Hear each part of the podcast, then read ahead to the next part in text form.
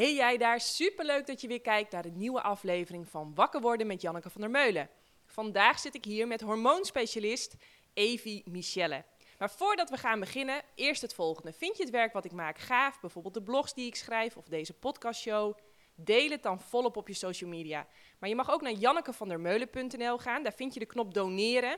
En dan kun je financieel iets bijdragen. Voor iedereen die dat al doet, echt onwijs bedankt.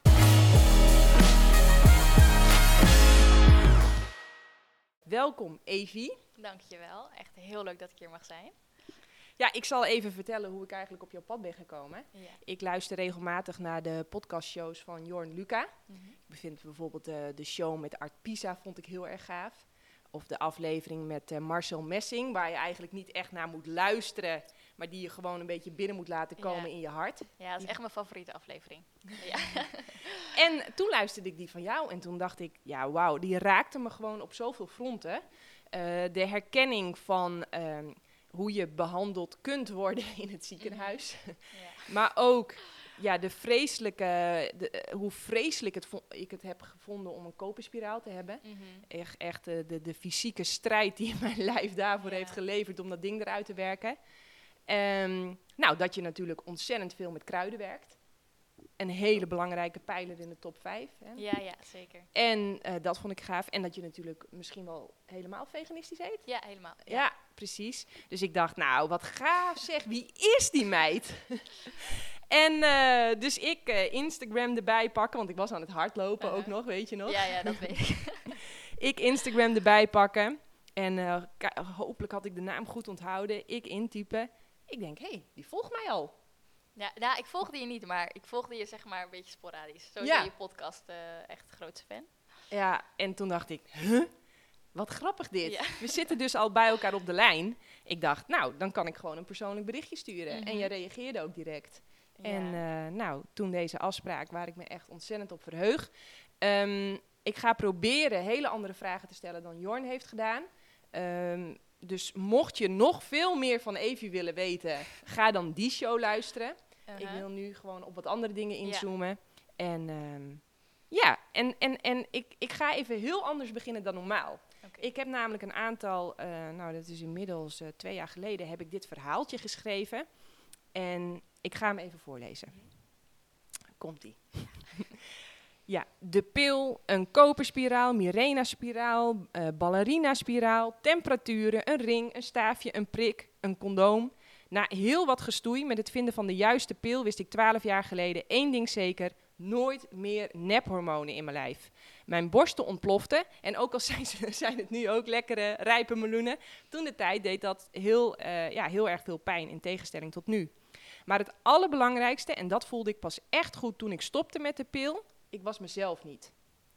Ik zou echt heel graag 100 uitroeptekens willen gebruiken.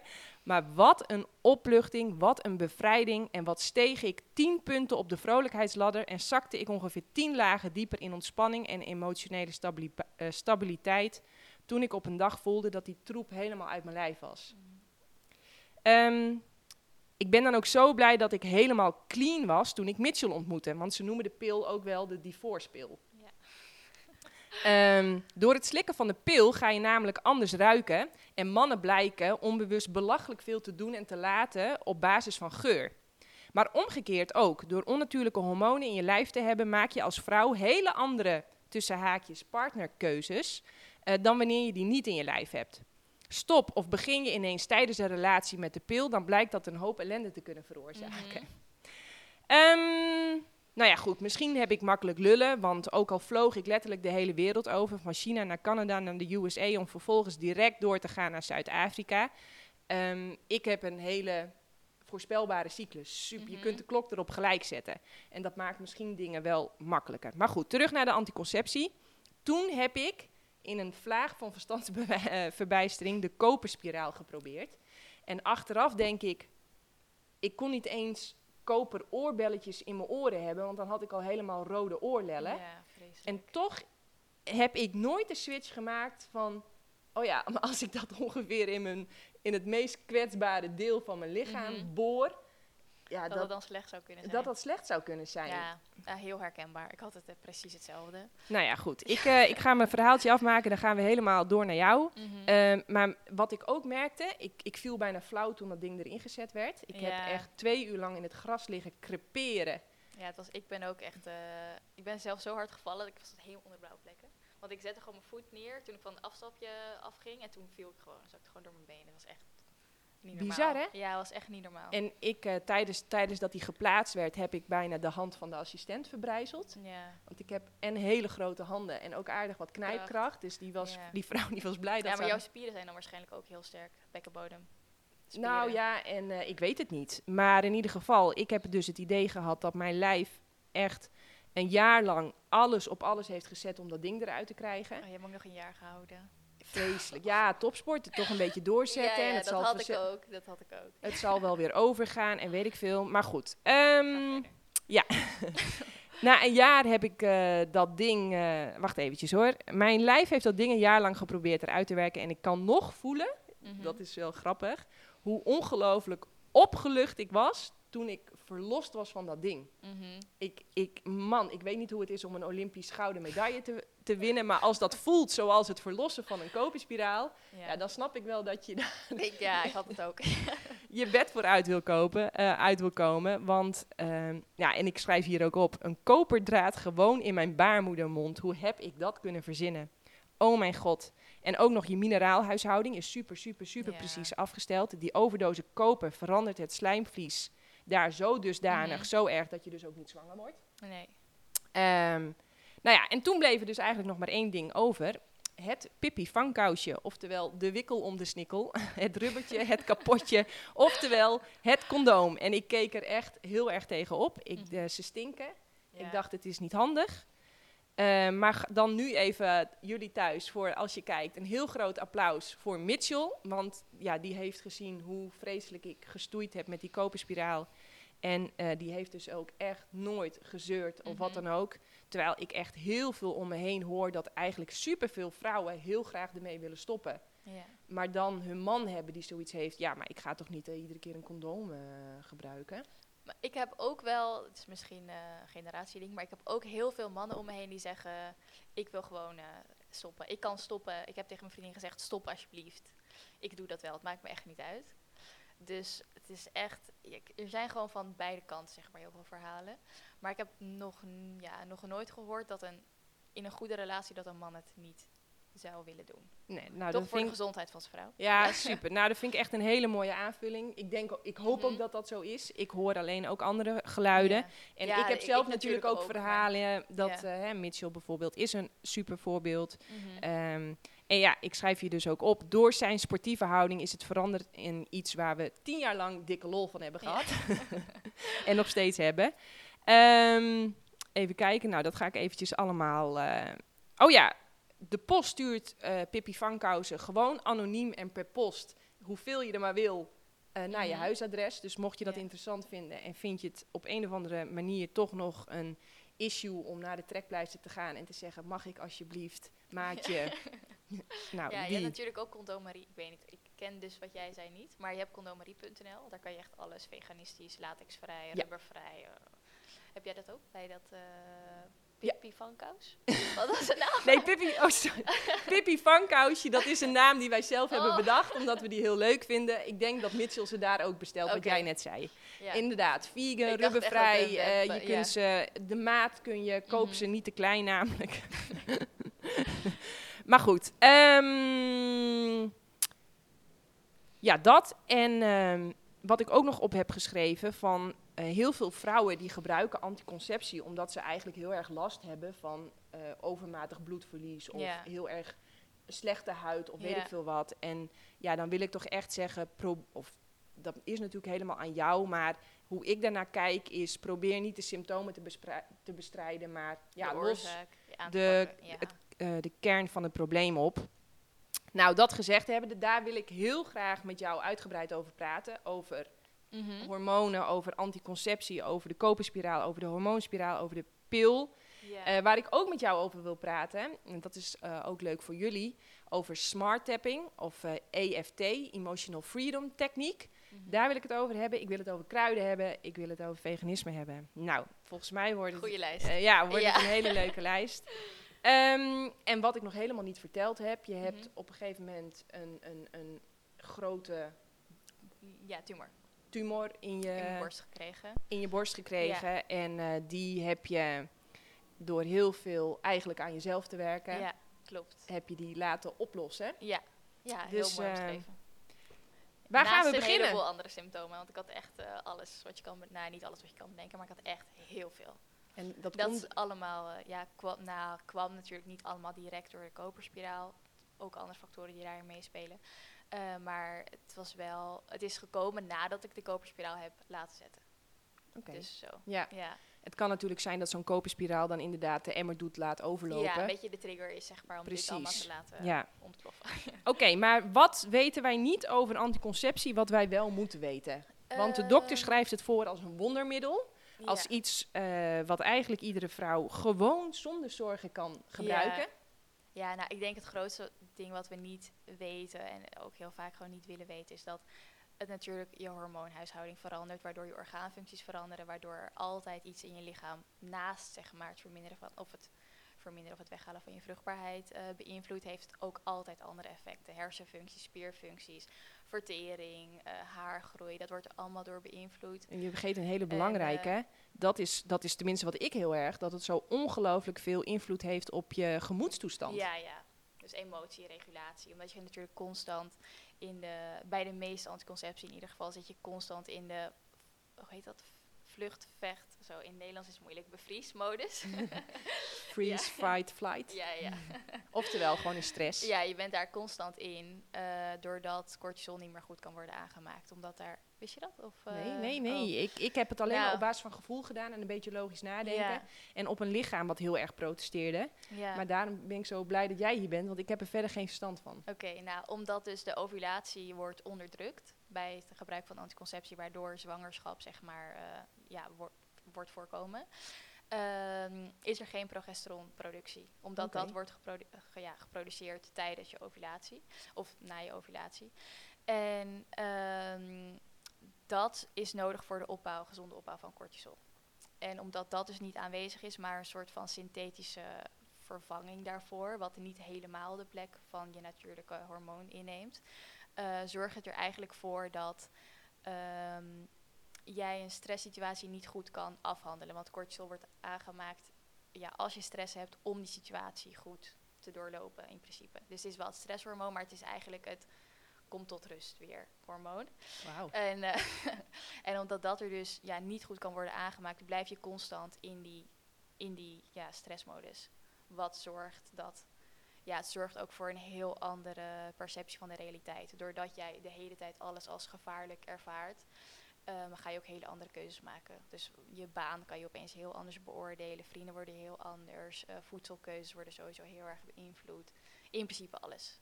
Omdat je constant Ja, niet, niet Wow. jezelf bent. wow. Ja. Dit is toch best wel heftig? Ja, Omdat de huisarts heel, eh, zegt, nee hoor, dat heeft helemaal geen Invloed. he- heeft helemaal geen invloed.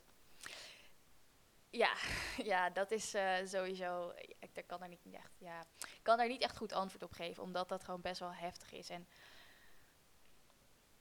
ik denk dat huisartsen, ze doen wel hun best. Tuurlijk, daar gaat het Dus niet om. het is, ze hebben het zo eh, geleerd ja. en ze doen gewoon wat hun geleerd is. Ja. Naar eer en geweten, dat, daar twijfel ik ook niet Ja, aan. precies. Dus er is wel een stukje ontbrekende kennis daarover, natuurlijk. Helemaal ook als het aankomt op de koperspiraal. Want ja, dat hormonen dan nog je orgaanfunctie veranderen, daar kunnen ze nog wel een beetje in komen. Ja. Eh, maar als, ja, als je kijkt naar de koperspiraal, dan is er gewoon zo weinig bewustzijn over. Ook omdat heel veel bijwerkingen komen door eh, kopervergiftiging. En kopervergiftiging is niet direct het resultaat van de koperspiraal, waardoor ze niet op de bijsluiter hoeven te staan. Oké, wacht even. Ik, dit gaat Oké, mij pet al te boven. Begin, wacht eventjes. Hebben we alles over die hormonen gezegd? Want Ehm, eh, dat is denk ik al best wel belangrijk. Tenminste, ik voelde gewoon aan mijn hele lijf, Ja. dit klopt niet. Dit klopt niet, het klopt niet. Ik ben mezelf niet. Het voelt niet goed, het voelt niet goed. Dus Ja. ik, ja, eh, mijn lichaam reageerde raar. eh, ja, ik, ik, ik was mezelf helemaal kwijt. Dus ik was heel Mhm. snel klaar met die, met die troep. ja, Maar ja, dan moet je op zoek naar een alternatief.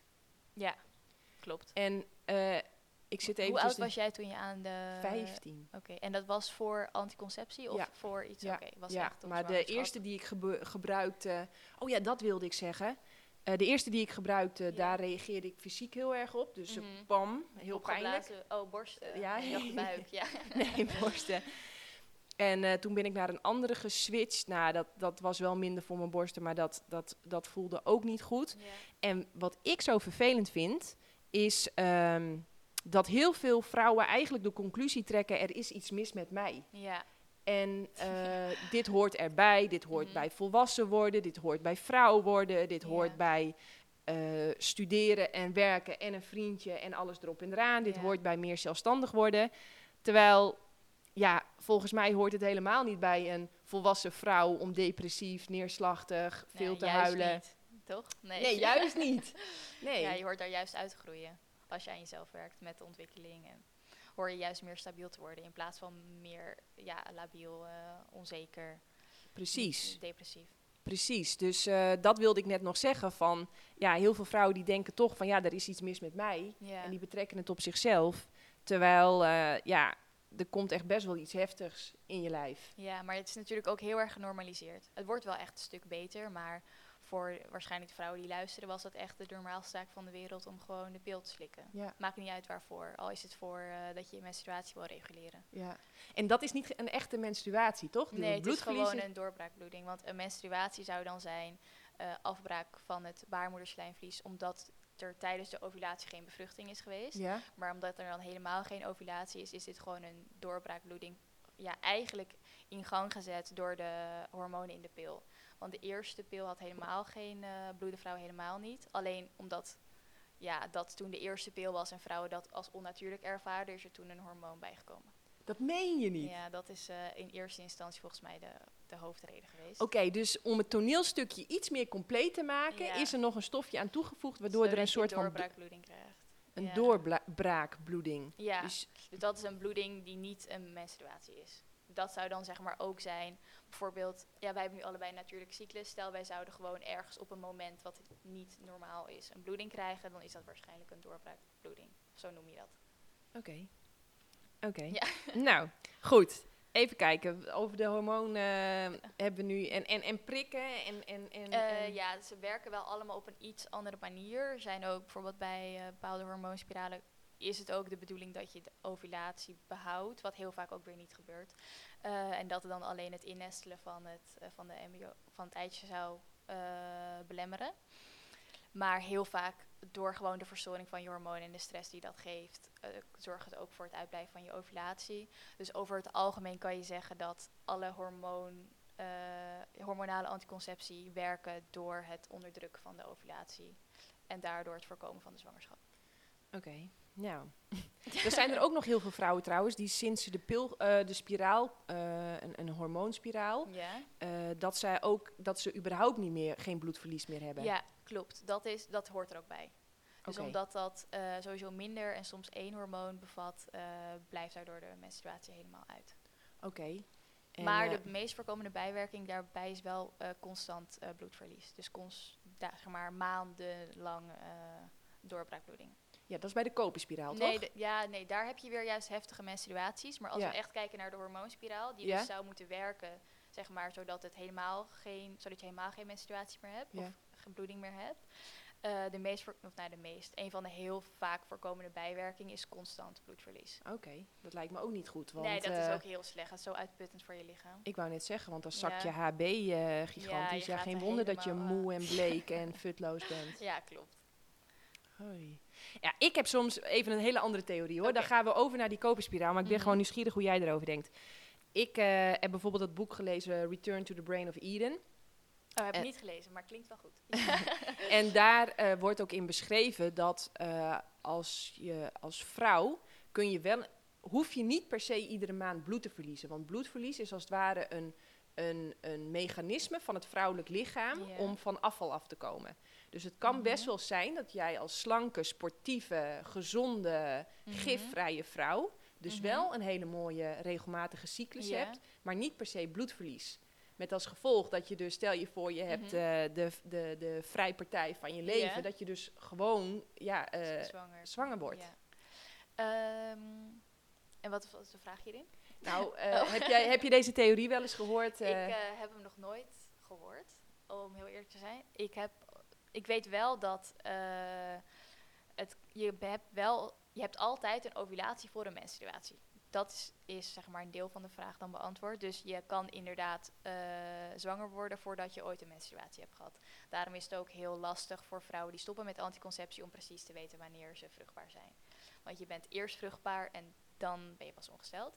Ehm, sowieso, als je gezond leeft, wordt je menstruatie wel heel licht. In verhouding tot de norm. Dus dat is wel een factor. Ik heb, ja, ik heb Wa- nog wa- waarom nooit, ontstaat eh, een zware menstruatie dan? Waarom verliest een vrouw heel veel bloed? Ehm, ik denk, dit heeft sowieso te maken met verschillende factoren die allemaal... Ja, het meestal komt het door een relatief teveel aan eh oestrogeen. Maar ja, dat kan weer komen door bijvoorbeeld een lever die helemaal niet goed werkt. Dat kan weer komen door heel veel gifstoffen. Ehm, dus het is allemaal een beetje samenhang van factoren. Sowieso wordt je menstruatie zwaarder als je last hebt van zware metalenvergiftiging. Kan je ook die hele dikke bloed... eh, niet prop, maar hoe noem je dat? Bloodclotting? Klonters? ja, klonten eh, krijgen. Dus dat ja, is in principe niet normaal. Dat is geen normale menstruatie, maar dat komt gewoon door gifstoffenoverschot. Ja, Zoals je- precies. Dus ja. dan is het wel een, een tool van je lijf om daar vanaf te komen. ja, maar het gewoon bloedverlies, zeg maar als je menstruatie eruit ziet, zeg maar als je in je arm snijdt, dan heb je toch dat hele lichte, dunne bloed. Ja. Eh, als je menstruatie ongeveer dat bloed heeft, dan is het niet per se het, het eh, loslaten van gifstoffen. Nee, precies. Dus, maar ja. als je dikke klonters en heel ja, erg ja, veel, dan wel. dan wel. is het echt om er van af te komen. Precies. Ja, er zijn ook wel verschillende theorieën die zeggen dat mannen bijvoorbeeld niet eh, goud en dat soort dingen kunnen afvoeren. Dus als zij dat binnenkrijgen, dat altijd in hun lichaam blijft. Terwijl vrouwen dat tijdens hun menstruatie kunnen afvoeren. Ja, menstruatie en borstvoeding. Ja, klopt. Ja. ja, maar dat is niet wat je wil, denk ik. Nee, dat is niet wat je wil. Al is borstvoeding altijd nog veel beter dan wat dan ook. Ja, ja. Toch is, heeft het vrouwelijk lichaam eh, ja, poepen, plassen, zweten, ademen en Ja, dus En eh, menstruatie en borstvoeding. precies ja. om eh, van afvalstoffen af te komen. En ook, de- aan je, je kan het ook aan je kind geven dat het zeg maar uit jouw lichaam in je kind gaat tijdens de zwangerschap. Ja. Dat komt ook wel voor. Ja. Dan ben je er wel zelf vanaf, maar eh, ja, dan erf je kind dat. en hoe, hoe raken wij zo massaal eh, eigenlijk vergiftigd? Nou, ik denk, eh jij hebt daar sowieso heel veel over geschreven en verteld al. Maar ja, voeding is natuurlijk een hele grote bron, maar ook verzorgingsproducten, make-up, haarproducten, deodorant. Tatoeages. Tatoeages, eh, ja, daar had ik inderdaad met eh Jorn ook eventjes over. Tatoeages zijn echt niet best, zeg maar. eh, als het, ja.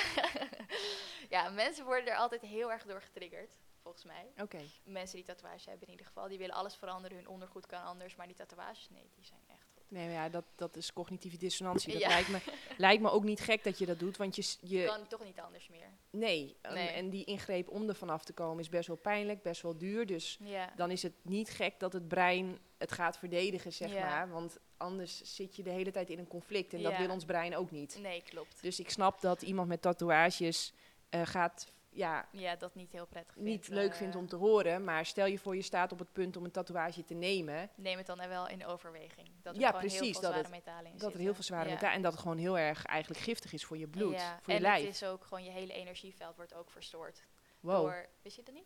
Nee, dan eh, heb ik nog. oh. Ik weet wel dat dat met piercings zo is. Ja, eh, piercings, helemaal als je die bijvoorbeeld hier doet, Ja. eh, waar allemaal energiebanen lopen, dat dat, ja, klopt. eh, maar dat tatoeages ja, ook. tatoeages zijn heel, in principe je hele energieveld. Ja, je kan het denk ik wel weer goed krijgen. Ik heb zelf geen tatoeages, dus ik zou niet precies weten hoe dat werkt. Maar je kan het weer goed krijgen. Je kan alles goed krijgen. Ehm, maar het zorgt eh, echt voor de verstoring van je energiebanen. Dus je kan daar ook, je hebt ook speciale foto's en apparaatjes om dat in healing en dat soort dingen om dat mee te meten.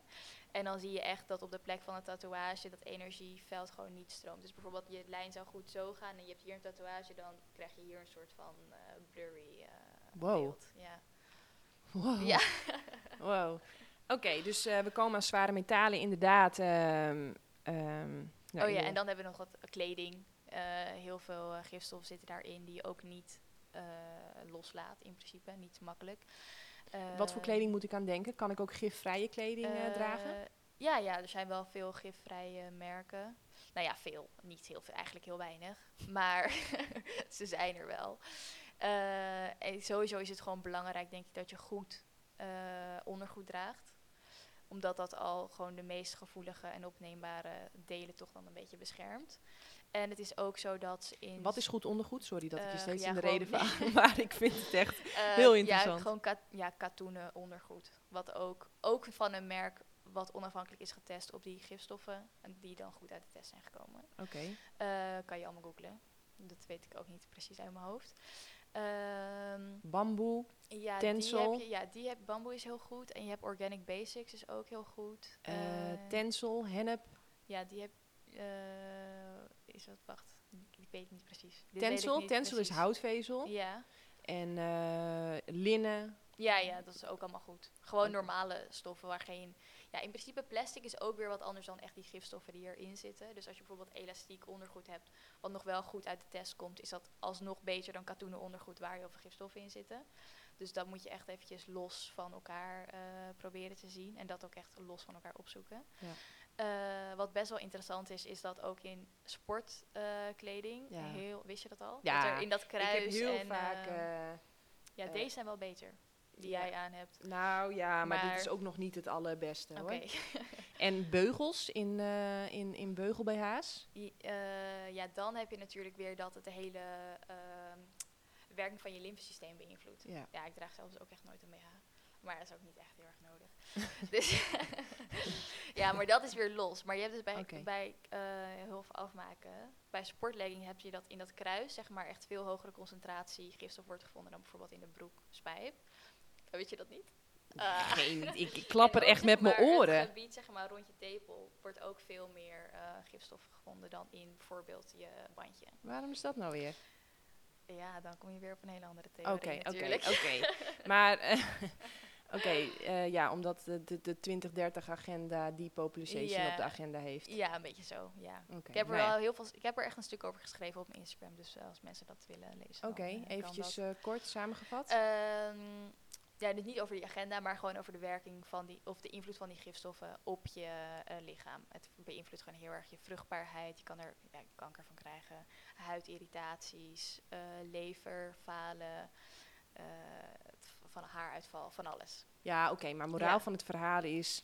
eh, we leven nou gewoon eenmaal met heel veel eh, exogene, noem je dat volgens mij, gifstoffen. Oftewel gifstoffen Ja, die van van buitenaf. Ja, Ehm, en die zitten niet alleen maar eh, in je eten, Nee. maar ze zitten ook in je tandpasta, je deodorant, Oh je nog shampoo. Ja, ja. je kleding, Ja. eh, de gordijnen, het tapijt, je bed, alles. je bed, alles. Klopt, ja. Maar Heel Toch- toch is het handig om een bepaalde ontspanning te behouden, want als er iets ook slecht voor je is, dan is het stress. Eh, ja, klopt. Ja, ik denk sowieso dat gifstoffen weinig ehm, ja, vat kunnen hebben of eh, effect op je kunnen hebben als je helemaal geen last hebt van blokkades of stress in je lichaam. Wauw. Want dan heb je, je hebt toch ook die monniken die dan, eh, of Wim Hof, die heeft zich toch ook laten injecteren met een heel dodelijk virus en daar is gewoon niks van, ja, daar is niks door gebeurd.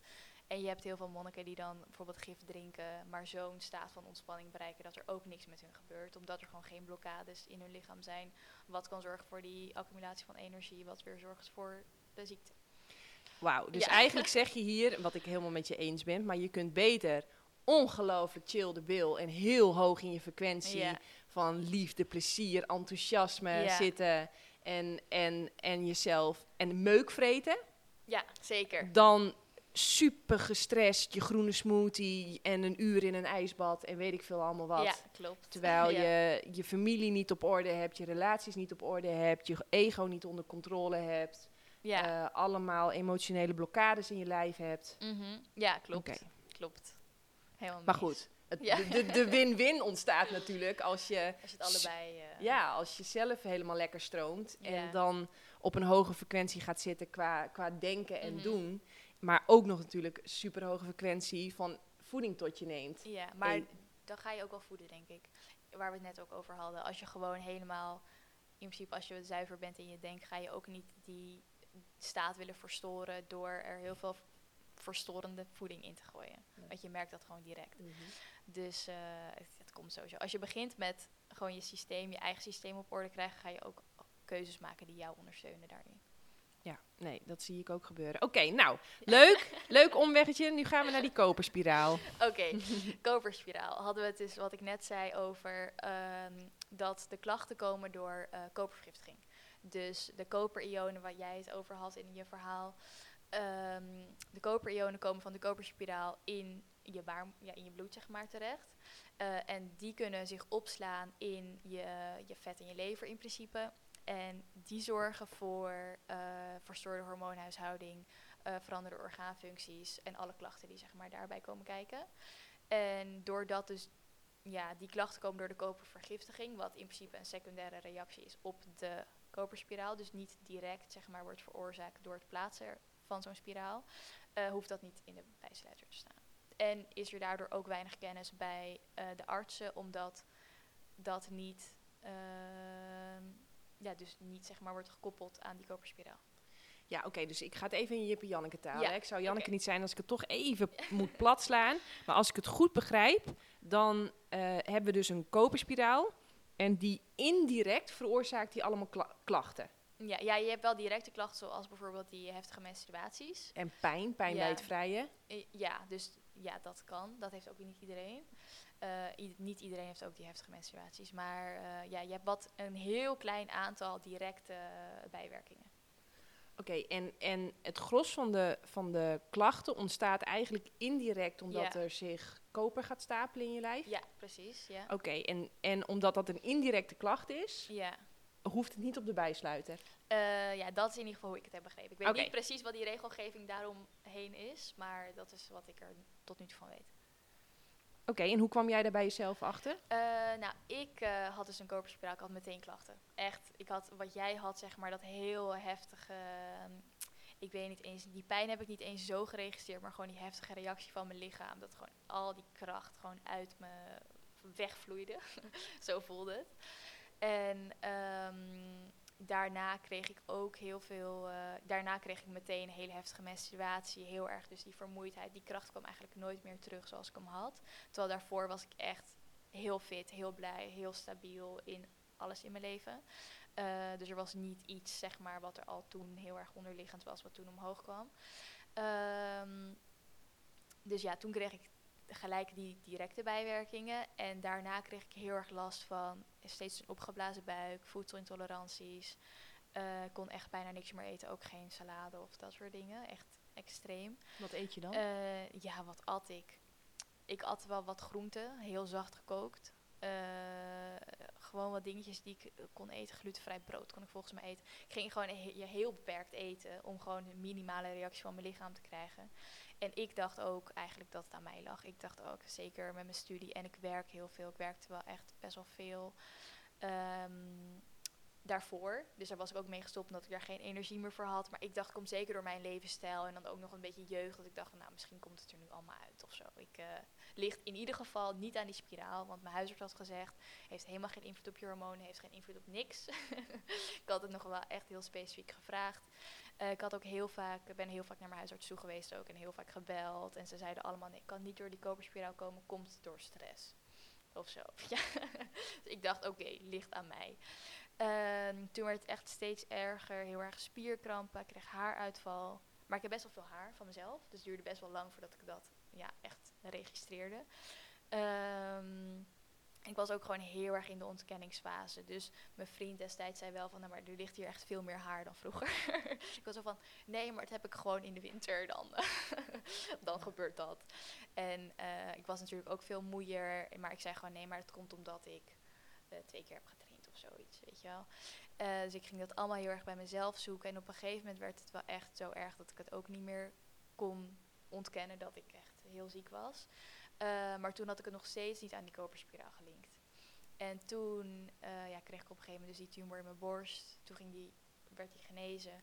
En toen pas vond ik een artikel over kopervergiftiging. Dus toen ging ik een beetje volgens mij opzoeken over zware metalen. Ik weet echt niet meer waar ik naar aan het googelen was. Maar uh, toen las ik in ieder geval een stuk in het Engels. Heel belangrijk, want in het Nederlands was ja, echt helemaal niks te vinden destijds.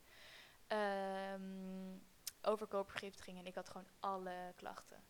Dus ja, naast zeg maar fysieke klachten had ik ook heel erg last van angsten, die uh, gemoedstoestand die echt gewoon, ja, was best wel niet depressief, maar gewoon omdat ik de hele tijd zo angstig en gestrest was. Ja, doet het gewoon niet echt heel erg eh, goed, zeg maar.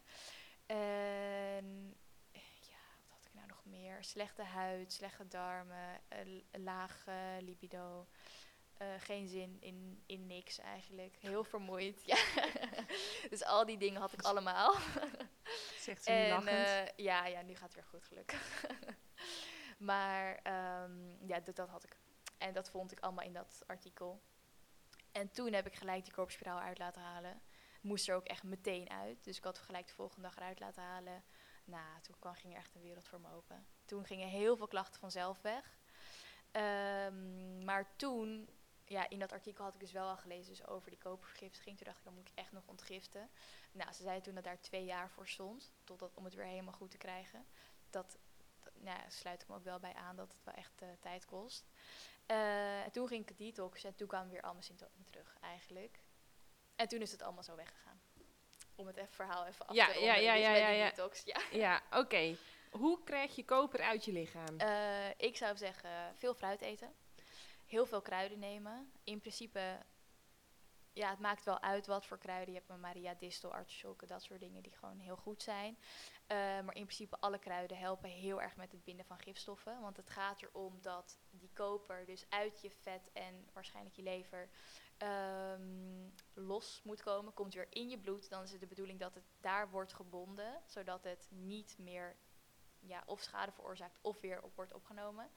Eh, en dat doe je gewoon door veel fruit en kruiden te eten. En eh, in zeewater te zwemmen en in de zon te zitten. In principe zijn dat de basisdingen. Wauw, in de zon zitten. Ja. Ik schrijf hem even op, want dan kunnen. ik ben natuurlijk ook echt gezond. In het woord zit het al. Ik ben ook echt groot voorstander van heel veel in de zon. Ja. Terwijl tegenwoordig is het helemaal hip en happening om je je vol te smeren. vol te smeren. Pet op, bril op, mondkapje. Ja, ja. Oké. Ja, je moet wel in de zon zitten, in mijn eh, perceptie. Ehm, niet verbranden, maar daar komen we zeker nog op. En... oh, wacht, ik weet niet wat ik nou allemaal Nou, ik was jou, ik, ik, hoe krijg je koper uit je lichaam? Dat Oh was ja, mijn vraag. Dus die goed eten ehm, en ook gewoon het ontgiften van je lichaam gebeurt in principe eh, vanzelf door het zelfhelingsvermogen van je lichaam te activeren. Dus het minimaliseren van stress uit je levensstijl helpt gewoon heel erg. eh, ja, helpt gewoon heel erg om je lichaam zeg maar die dat veilige gevoel te geven, waardoor het in, ja, gewoon veilig genoeg voelt om zo'n proces aan te gaan. Want het is best wel een belastend proces voor je lichaam. Eh, al die ja, gifstoffen komen natuurlijk weer vrij. Dus als je in een gevaarlijke, wat je lichaam zeg maar ziet als gevaarlijke situatie zit, gaat die ontgifting niet echt eh, gebeuren. Omdat Ah. je lichaam je gewoon wil beschermen. Wauw, ik, dit vind ik echt fascinerend wat je nu zegt.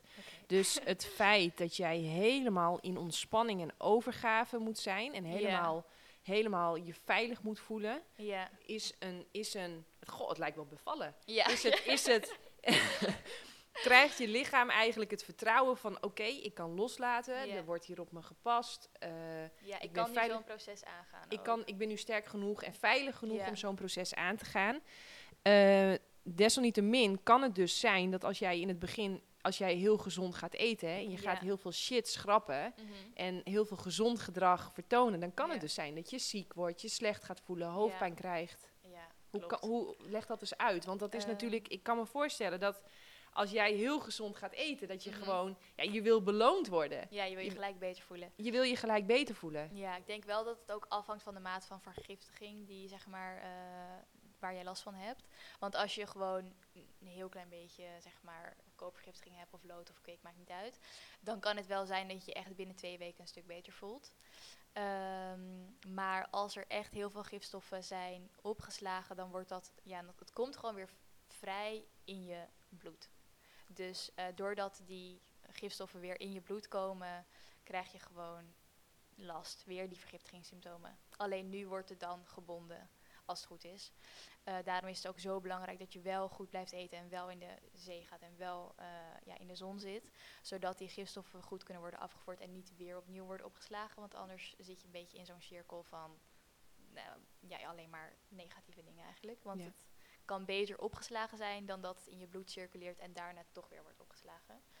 Eh, daarom kan je ook een beter een detox helemaal afmaken dan dat je zeg maar drie dagen eh, sapjes, of nou sapjes, maakt niet uit wat, eh, gaat nemen bij zware vergiftiging. Hè? Bij, Ik vind het sowieso leuk dat je sapjes zegt. Want ik denk iedere keer, ja, sapjes. Je hebt juist die vezel. Je hebt juist die, die magie van die hele Ja. vrucht nodig. klopt. Om dingen Te uit te, om ja. te binden en uit te kunnen poepen. Ja, klopt. Dus sapjes, ja, sapjes maakt het wel vrij. Mhm. En helemaal als je dan ook nog eens te weinig eet. ja. eh, en je hebt een calorietekort. tekort. ja, en je vet wordt eh, verbrand. Ja. Precies, ja, Afgebroken. afgebroken. Ja. Nou, dan ga je me toch een partij, kun je me toch een partijtje slecht gaan voelen. Ja, klopt. ja. daarom eh, is het wel belangrijk dat daar een beetje aandacht voor komt. Want heel veel mensen, ja, in principe, als je onder begeleiding van een goede coach of hulpverlener staat, dan zal je dit wel weten. Maar heel veel mensen gaan natuurlijk ook zelf op onderzoek uit en die gaan dan iets proberen, een of andere detox thee drinken. Wat wel, als je genoeg kruiden toevoegt. Kruiden zijn wel goed, trouwens ook belangrijk om te zeggen, maar je hebt er wel echt een hoop van nodig. Zeg maar zo een beetje curcuma gaat je niet eh, helpen. Ehm, maar als je dus zelf op onderzoek uitgaat en je gaat wat recepten maken en je gaat je slechter voelen, dan kan je denken, oh, maar voor mij is het niet goed, want ik voelde het, mijn lichaam reageert er slecht op. Ik luister naar mijn lichaam, ik stop. Dus eh, dat, is, ja, dat is ook weer een beetje eh, duaal natuurlijk. Want je wil wel goed naar je lichaam luisteren, maar wel echt goed naar je lichaam luisteren en niet naar die, zeg maar, korte symptomen, niet gelijk daarop reageren of niet gelijk opgeven in Hoe, principe. ja, hoe ben jij daarmee omgegaan? Die heeft Eh, eigenlijk je borst daar eigenlijk mee geholpen? Ja, heel erg. Dat heeft daar heel erg mee geholpen. Want daardoor kreeg ik. Ja, dat, dit vertel ik heel erg in die andere podcast. Dus daar kan ik mensen naartoe verwijzen. Maar daardoor kreeg ik zoveel inzicht in wat ik moest doen, wat goed voor mij was. eh, waardoor ik zo'n. En later, toen ook dat genezen was, had ik zo'n sterk vertrouwen in mijn lichaam. ehm, dat ik niet. Ik was ook al gewend om me slecht te voelen, dat scheelt denk ik ook wel. Eh, maar dat ik niet zeg maar door elk hobbeltje in de weg gelijk eh, heb opgegeven of ben gestopt of van richting ben veranderd. Ik ben gewoon heel stabiel zeg maar doorgegaan met waar ik mee was begonnen en dat heb ik gewoon afgemaakt. Eh, ook heel weinig dingen toe. Ja, kijk, gedurende de weg ga je wel wat aanpassingen maken natuurlijk, is ook nodig. Eh, maar ik ben niet van plan verwisseld omdat er een kleine twijfel kwam, zeg maar. Ja, dus en je hebt heel consequent, ben je eigenlijk top Ja. 5 gaan eten. Ja, precies. Ja, en dan ook proberen wel ook veel met emotioneel werk, zeg maar. Scha- in principe al het emotionele schaduwachtige werk wat er gedaan kon worden, heb ik wel een beetje in ieder geval bekeken. Eh, dus dat heeft heel erg bijgedragen. En ik heb ook wel mijn leven best wel aangepast. Dus ik woonde eerst in de stad, toen ben ik naar meer eh, open omgeving gegaan, meer in de natuur, ja, meer, in, meer in het water, meer, gewoon meer terug naar de basis van een gezond mensenleven. Eh, en dat heeft ook heel erg bijgedragen. Dat hielp altijd direct. Ja, nog even terug naar die detox, want jij hebt ook heel erg, eh, jij hebt. Ja. Wat zeg je? Gedetoxed. Ja. gedetoxed. En je hebt je heel erg KUT gevoeld. Ja. Hoe heb je jezelf opgevangen? Hoe heb je je gedragen? Hoe, hoe heb je dat gedaan? Ehm, nou, ik denk echt dat ik alle stadia daarvan wel een beetje ben gepasseerd. Dus ik naast zeg maar dat er wel over het algemeen een heel groot vertrouwen was in dat het goed zou komen en ook heel sterk vertrouwen in mijn lichaam, eh, heb ik ook wel echt ehm, momenten gehad waarop ik het echt niet meer zag zitten. Dat ik echt dacht, ik, het komt nooit meer goed. Ik doe alles al perfect. Maar eh, het gaat nog steeds niet. Hoe lang moet dit duren? Een beetje in die, zeg maar. Ja, en wat doe je als je, als je in zo'n diep dal zit? Ja, dat echt. Ik, eh, wat doe ik? Het is nu heel lastig voor mij ook om terug te gaan, omdat er. Ik ben er elke keer zeg maar weer gewoon heel goed uitgekomen. Helpt dat? Dat je ervaring hebt van, oh ja, ik heb Eh. me eerder zo kut gevoeld, dit gaat voorbij. Ja, ja, dat helpt zeker. De eerste keer is denk ik wel echt het allerlastig, want alles is ook nieuw. Eh, dus je kent jezelf ook niet. Of ik kende mezelf helemaal niet in die staat. Eh, maar ik, het, ja, het hielp wel gewoon om vast te houden voor mij aan die dingen waarvan ik, het, waarvan ik wist dat ze goed voor me waren. Dus ik probeerde wel naar buiten te gaan. Als ik niet kon lopen, ik kon ook een hele tijd, ik was zo ziek, ik kon helemaal niet bijvoorbeeld traplopen of zo. Maar dan gewoon in de zon gaan zitten met het raam open of zo. Weet je, dat soort dingen.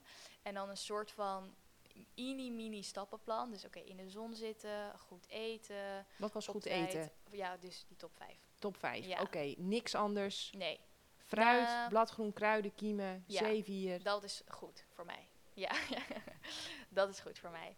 En ik heb ook wel periodes gehad dat ik iets minder goed at. ook zeker toen ik last had van die heel erg voedselintoleranties.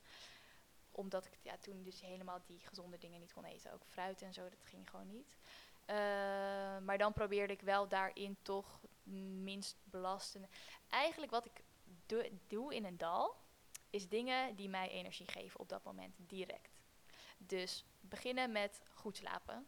Als dat niet gaat, want ik had ook erg last van nachtmerries, dan toch proberen dat wel te doen. In ieder geval te rusten overdag wakker. Ehm, eh, dingen zoals wel weer verbinden met mijn lichaam.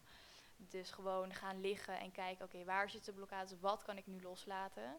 Dus gewoon proberen dingen in mezelf een beetje in balans te krijgen. Wat op zo'n moment heel lastig is, omdat er heel veel in je lichaam aan de hand is. Dus naast die hele fysieke detox heb je ook een hele emotionele transformatie die je doormaakt in principe. Dus dat is niet altijd heel voelt niet altijd als heel prettig om dat te doen. Uh, maar dat toch wel proberen te doen. En ik heb de hele tijd eyes on the prize. Ja, ja. Eyes on the prize. Ja. En maar dat weet je ook niet, hè? Als je, of in ieder geval, ik had heel erg dat ik dacht... Oké, misschien gaat dit...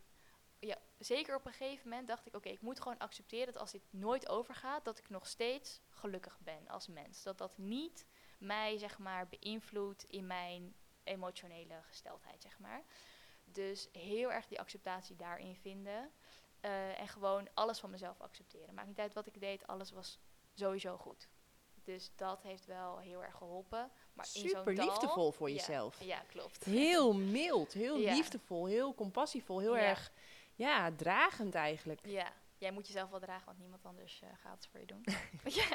nee, dat klopt. Maar goed, je moet het je op zo'n moment wel herinneren. je moet het wel even inzien. Ja, herinneren, inderdaad. Heel veel gewoon proberen te herinneren wie ik was zonder alles. Want daar moest, je helemaal, moest ik helemaal afscheid van nemen natuurlijk. Uh, dat was denk ik ook gewoon heel belangrijk. Dat weer terugvinden. Gewoon herinneren, oké, even klein bij mezelf. Wie ben ik, wat... Het, als dat maar goed zit, dan uh, ja, kwam er wel dus je had uh, slaap, vroeg naar bed. Ja. Je had gezond eten. Ja. Je had in de zon zitten. Ja. En je had iedere keer in de zee zwemmen. Ja, als dat voor mij niet normaal belangrijk. Dat was zo belangrijk. Als ik gewoon in de zee ging zwemmen, voelde ik meteen beter. Wow. Maar je kan in principe ook gewoon mineralen nemen, of natuurlijk. Of gewoon in een zeezouten bad gaan zitten. Maar uh, ik vind het toch wel weer iets anders. Oké, en, en, dat, en dat, dat komt omdat die mineralen... Die Door je huid worden opgenomen. En die ontzuren je. Ja, ook heel erg. En die helpen ook heel erg met ontgiften. En ik gewoon ook die kracht van de natuur was voor mij gewoon echt magisch. Oké, dus echt in de, met blote voeten op het gras of met je blote huid in de zee of op het strand liggen. Of, Klopt. Uh, ik kan me wel voorstellen dat uh, mensen denken, uh, wow, hoe ga ik dat hier doen? ja. Vijfhovige, drie achter. ja, dan moet je gewoon doen, want ik heb in principe op, ik ben een paar keer verhuisd ook in mijn ziekteproces, omdat ik, voor mij was het wel belangrijk om die natuur op te zoeken. In Nederland kwam ik wel tot een bepaald punt zeg maar, van heling, maar kwam er niet helemaal doorheen. Dus voor mij was dat heel belangrijk. Uh, maar ik ben wel ook zeg maar, uh, in een appartement, klein appartementje in Amsterdam ook een stuk beter geworden. Dus ik zou wel gewoon dicht bij jezelf kijken wat jij kan doen voor jezelf. Vraag jezelf, stel jezelf gewoon elke keer de vraag: wat kan ik nu voor mezelf doen? En doe dat. Ja, oké, maar jij hebt op een gegeven moment wel gedacht van oké, het is nu super belangrijk voor mijn gezondheid. Ja, maar ik voelde dat gewoon dat toen had ik heel erg Eyes on the Prize-achtig uh, idee. Want ik dacht gewoon, daar moet ik heen. Ik voel dit, zo gaat het worden. Het maakt voor mij niet uit waar op de wereld dat was. Als er maar gewoon die componenten waren van schone lucht, uh, schone zee, schoon drinkwater, uh, rust. Ja. En waar vond je dat? ja, voor mij was... Ik ben eerst naar Ibiza gegaan. En daar vond ik dat niet echt. Um, omdat het een beetje chaotisch was voor mij, die plek. En ook heel best wel vervuild. En later ben ik naar Kroatië gegaan en dat vond ik echt de hemel. Ja. Dat vond ik echt uh, fantastisch. Ik heb Kroatië op, daar ga ik een wedstrijd fietsen volgend jaar. Oh, ik verheug me er zo op. heerlijk. Het is zo'n mooi land. Ja, het is echt fantastisch. Zeker als je goed eiland vindt waar niemand woont. dus uh, ja, dat vond ik echt... Uh, ook, alles is ook gewoon schoon daar. Goed geregeld, rustig, mensen rustig. Was voor mij ook heel belangrijk. Hm. En inkomen? Hoe deed je dat? Um, nou, ik had uh, daarvoor best wel veel uh, gewerkt, zoals ik daar ja, zei eerder in de podcast. Dus daar had ik wel wat geld van over.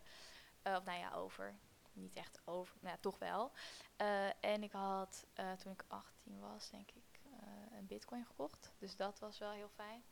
Eh, en ehm, ik ben nu 23 voor mensen, zeg maar, als ze terug willen rekenen.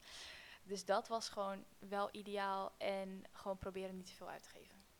Dat eh, deed ik. En ik probeerde wel te werken wanneer ik kon. En dan heel simpele klussen te doen. Maar op een gegeven moment was ik ook wel een beetje aan het ja, eind van mijn geld, zeg maar. Toen ik, eh, ja, toen ik wel weer beter was, in ieder geval beter genoeg om weer te beginnen met werk, was mijn geld wel richting het nulpunt aan het gaan. En toen ben je dus weer gaan werken? toen ben ik weer gaan werken, ja. Ja. Oké, ik heb eh, nog een heel belangrijk ding. Wat, wat ja, als topsporter leer je dat. Mhm. Eh, je moet er eigenlijk een soort van wel. En ik denk dat het misschien wel het belangrijkste, een van de belangrijkste dingen is die je van een topsporter Mhm. kunt re- leren. Maar wij kunnen eigenlijk zo gigantisch pieken en zoveel van ons lichaam vragen, omdat wij onszelf toestaan en gunnen. En het wordt ook geaccepteerd door de Mhm. omgeving. Dat we overdag eigenlijk ook heel erg Slapen. slapen, rusten, Ja. chillen, boekje lezen. Ik zit Mhm. dan altijd te studeren, blogs Ja. te schrijven. Maar ik doe wel echt iets wat voor mij echt ontspannend is. Ja, wat dat je ik, even uit kan schakelen. ja, of dat ik iets doe waardoor ik helemaal in de flow zit. Waardoor ik, ja, gewoon, ik, ik hoef niks, ik mag alles. Het, Mhm. Ik doe het allemaal omdat ik het leuk vind. Mhm. En ik hoor zo ontzettend vaak terug dat mensen, en dat is ook vanuit de Nederlandse opvoeding, eigenlijk zoveel moeite hebben met zichzelf toe te staan om gewoon wolkjes te gaan tellen, hun haar te laten groeien, eh, aan hun kont te krabben, eh, gewoon met hun bakkers in de zon te gaan liggen, Ja. eh, kleren uit en tennen en, Mhm. en niksen. En we zitten toch zo snel één weer op die telefoon of we durven eigenlijk niet gas terug te nemen. Hoe, Mhm. hoe is dat voor jou geweest? Was voor mij heel moeilijk. Dit was voor mij het allermoeilijkste. Eh, omdat het ook met mij heel erg in combinatie ging met ehm, mezelf toestaan dat als het altijd zo zou blijven, dat dat ook goed zou zijn. Want in principe wat ik daarvoor deed, was gewoon wel een beetje vechten tegen de situatie, voor mijn gevoel. Eh, dus mezelf de hele tijd weer dwingen bepaalde dingen te doen, waar ik eigenlijk helemaal niet de energie voor had. Ehm, dus omdat dat zeg maar zo'n combinatie was, was dat echt extreem lastig. Want ik dacht, als ik nu niks doe, dan stem ik er in principe mee in dat mijn leven altijd zo zal blijven. Zo had ik die overtuiging. Dus dan, en ik had ook, kom ook uit een gezin waarin werken gewoon nummer één is boven alles. Boven gezondheid, boven elkaar, boven, maakt niet uit, noem het. Werk is meer belangrijk. Eh, je hoeft ook niet eens geld te verdienen als je maar hard werkt. Zeg maar, dat was, ja, dat was heel erg de mentaliteit. Dus dat zat er ook nog heel erg onder. Eh, maar op een gegeven moment heb ik toch, ja, ik heb dus wel eh, bijvoorbeeld dat tappen, elke keer visualisatie, eh, traumatherapie, dat soort dingen. En gewoon heel veel zelfreflectie en innerlijk werk en de hele tijd weer terug verbinden met mijn lichaam. En je lichaam geeft toch elke keer weer een heel duidelijk signaal van ik moet nu rusten, ik ben aan het herstellen. Ik voelde dat ook wel heel duidelijk, want er was gewoon heel veel. Als ik gewoon ging verbinden met mijn lichaam, voelde ik gewoon die hele energiestroom gewoon echt zo overal, alsof het overal aan het werk was. Dus ik was wel echt iets aan het doen, alleen niemand zag dat. dus er was wel echt van alles gaande. Eh, alleen ik was niet per se productief en ik verdiende ook helemaal niks. Zeker in verhouding met wat ik eerst had verdiend, was dat ja, een heel groot verschil. Ehm, dus dat was voor mijn familie ook heel moeilijk. Dus dat kwam er ook nog bij, zeg maar, die emotionele lading van mijn eh, gezin waar ik uitkom. Plus die eigen lading die ik eraan had gegeven. Dat was echt. eh, even de microfoon dicht Oh. de mond ja. Nee, blijf jij maar lekker zitten. Ik doe gewoon zo.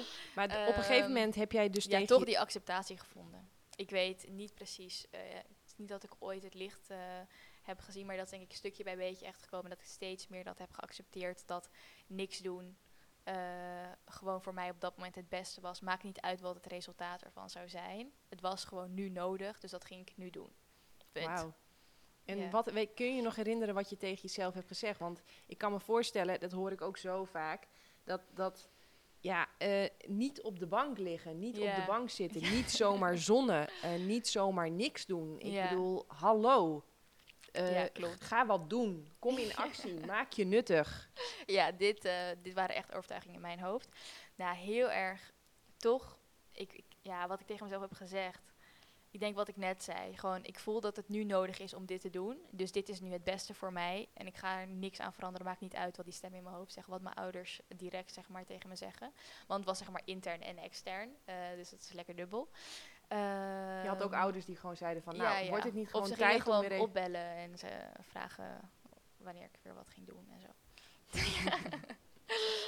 dus eh, wat ik ook snap, en zij hebben dat ook echt met hun beste intenties gedaan. Ja, er zit geen oordeel Dus in, maar nee, maar ook voor mensen die luisteren. Ik heb daar echt helemaal geen oordeel over. Zij dachten gewoon, het is ook weer goed als je dingen gaat doen. Krijg je ook weer inspiratie, motivatie van, weet je, kom op, je was altijd zo lekker bezig.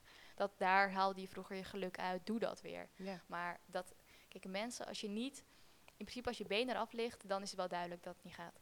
Maar als er gewoon extern niet, ja, er is niet niks. Ik was echt wel wat te zien. Mijn huid zag er heel anders uit dan nu. Ik was echt heel moe. Je, als je goed keek, zag je het wel.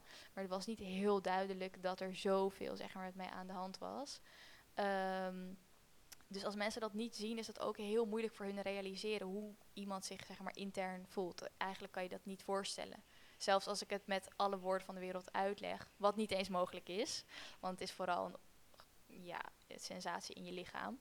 Ehm, kunnen ze dat nog steeds niet begrijpen. Dus zij dachten gewoon, oké, we gaan haar helpen door dit te doen. Maar voor mij was dat ja, niet echt helpend op dat moment. Eh, dus gewoon steeds terugkomen naar mijn lichaam en daar naar luisteren. ja. En daar geen concessies in doen. Nee, en hoe kan dat eruit zien? Dat je dus wakker wordt, je eet dat je iets. helemaal niks doet. je doet helemaal niks. Je loopt van je bed naar de bank en daar ga je gewoon liggen. En dat zo was gewoon mijn hele dag. In principe. Of ik ging gewoon op een, op een bak. Op een gegeven moment had ik wel een balkon. Die was dan in Nederland. ik ging gewoon daarop zitten. Maar verder dan dat kwam ik ook niet. Dus ik ging niet de trap af naar beneden of zo. En wat was het moment dat je weer voelde van, ja, ik kan weer stapjes gaan zetten. Ik, ik, ik ben over een soort van kantelpunt heen. Ik, ik, ik, ik ga weer richting wie ik echt ben. Ja, sowieso was dat. Ik denk dat dat echt met vlagen kwam, want het ging een beetje met pieken en dalen. Ook afhankelijk van. eh, ik had op een gegeven moment ook mijn detox wel wat aangepast. Dat ik dacht, oké, ik ga niet zo heftig detoxen, want daar kreeg ik heel veel last van. Eh, dus toen ik bijvoorbeeld stop, ja. Nou ja, je zegt even heel detox, maar even eh, eh, slow it down. Dus als je die detox aan gaat passen, dat betekende voor jou dat je eigenlijk, wat ging wat je meer... minder, minder kruiden bijvoorbeeld. kruiden. Ja, minder kruiden nemen, want dan gaat dat ontgiftingsproces gewoon veel langzamer. Ja, Dus ik heb het toen over een langere periode zeg maar uitgespreid. dus minder kruiden en wat dan meer? Nee, voor de rest niks veranderen. Oké, gewoon alleen minder kruiden, Ja. gewoon rustig Ja, aan zeg doen. maar specifieke kruiden die dan zorgen voor leverdetox, die ging ik gewoon dan even niet nemen. Ja. Eh, en dat, dat helpt direct. Ja. Dus op dat soort momenten, dat heeft voor mij ook wel heel erg geholpen. Gewoon die momenten even inbouwen, zeg maar, in dat hele proces. Dat ik wel weer even mezelf kon zijn. Dat ik wel weer een rondje kon lopen. Ehm, in principe, ja, dat heeft wel heel erg bijgedragen. Maar ik denk voor het eerst dat ik weer een beetje mezelf voelde, was in, ja, in Kroatië, sowieso. Dat ik weer echt dacht van, oké, nou, ik kan nu en mijn eigen boodschappen doen en lopen. En eh, ik kan nog steeds eh, de telefoon opnemen. Want dat kostte me ook heel veel energie. Gewoon dat soort simpele dingen. Oké, het gaat weer echt de goede kant op. Maar dat duurde best wel lang. Ehm, ja, toen eigenlijk. Wauw, Ja. mooi. Ehm, zullen we even inzoomen op dat eh, emotional freedom techniek, Ja. oftewel smart tapping. Ik heb daar een opleiding voor gevolgd. Mhm. En ja, ik, ehm, eh, ik, met, ik, ik ben zo blij dat ik dat nu in mijn toolbox heb. Ik Ja, heb ik het, heb het al heel lang niet gedaan. Dus, Oké. eh, ik heb het geleerd mij. van Ja. eh, Merel Hovenstad en Mhm. eh, Bram Bakker. ja. Bij Bram kom ik trouwens binnenkort in een podcastshow, superleuk. Maar van hem en haar heb ik dus Mhm. geleerd hoe het werkt. En wat je eigenlijk doet, we weten eigenlijk niet hoe het werkt. Mhm. Maar wat je doet is als je iets opvoelt komen, of een overtuiging, Ja. of een blokkade, of een angst, Mhm. paniek, stress, iets wat jou niet helpt, dan heb ik dus geleerd dat je. Ja? Ja. Ja, heb je Ja, meer? Ja, ja. Nou, ik weet niet helemaal de precies volgorde, maar ik weet wel ongeveer. eh, Ja, we, je het begint dan zo en dan noem eens iets wat jij bijvoorbeeld tegen jezelf zei. Ook al voel ik mij nu. Ook al voel ik mij nu nutteloos, eh, ik geef mezelf nog steeds de rust die ik nodig heb. Wauw, ja. Dus ook al voel ik mezelf nu nutteloos, ik Mhm. geef mezelf de rust die ik nu nodig heb. Ja. Ja, en dan... Bizar, hè? Ja. Wat, wat Neem ons mee. Wat gebeurde er dan vervolgens bij jou? Want jij hebt Eh, heel veel getapt. Ik heb heel veel getapt, maar ook naast het tappen ook wel wat andere meditatieachtige ademwerkdingen gedaan. Ehm, dan, nou, in principe in het begin voelde ik eigenlijk niet zo heel veel. Maar dacht ik gewoon, eh, dit is gewoon goed voor mij en eh, ik ga dit op een of andere manier verankeren. ja.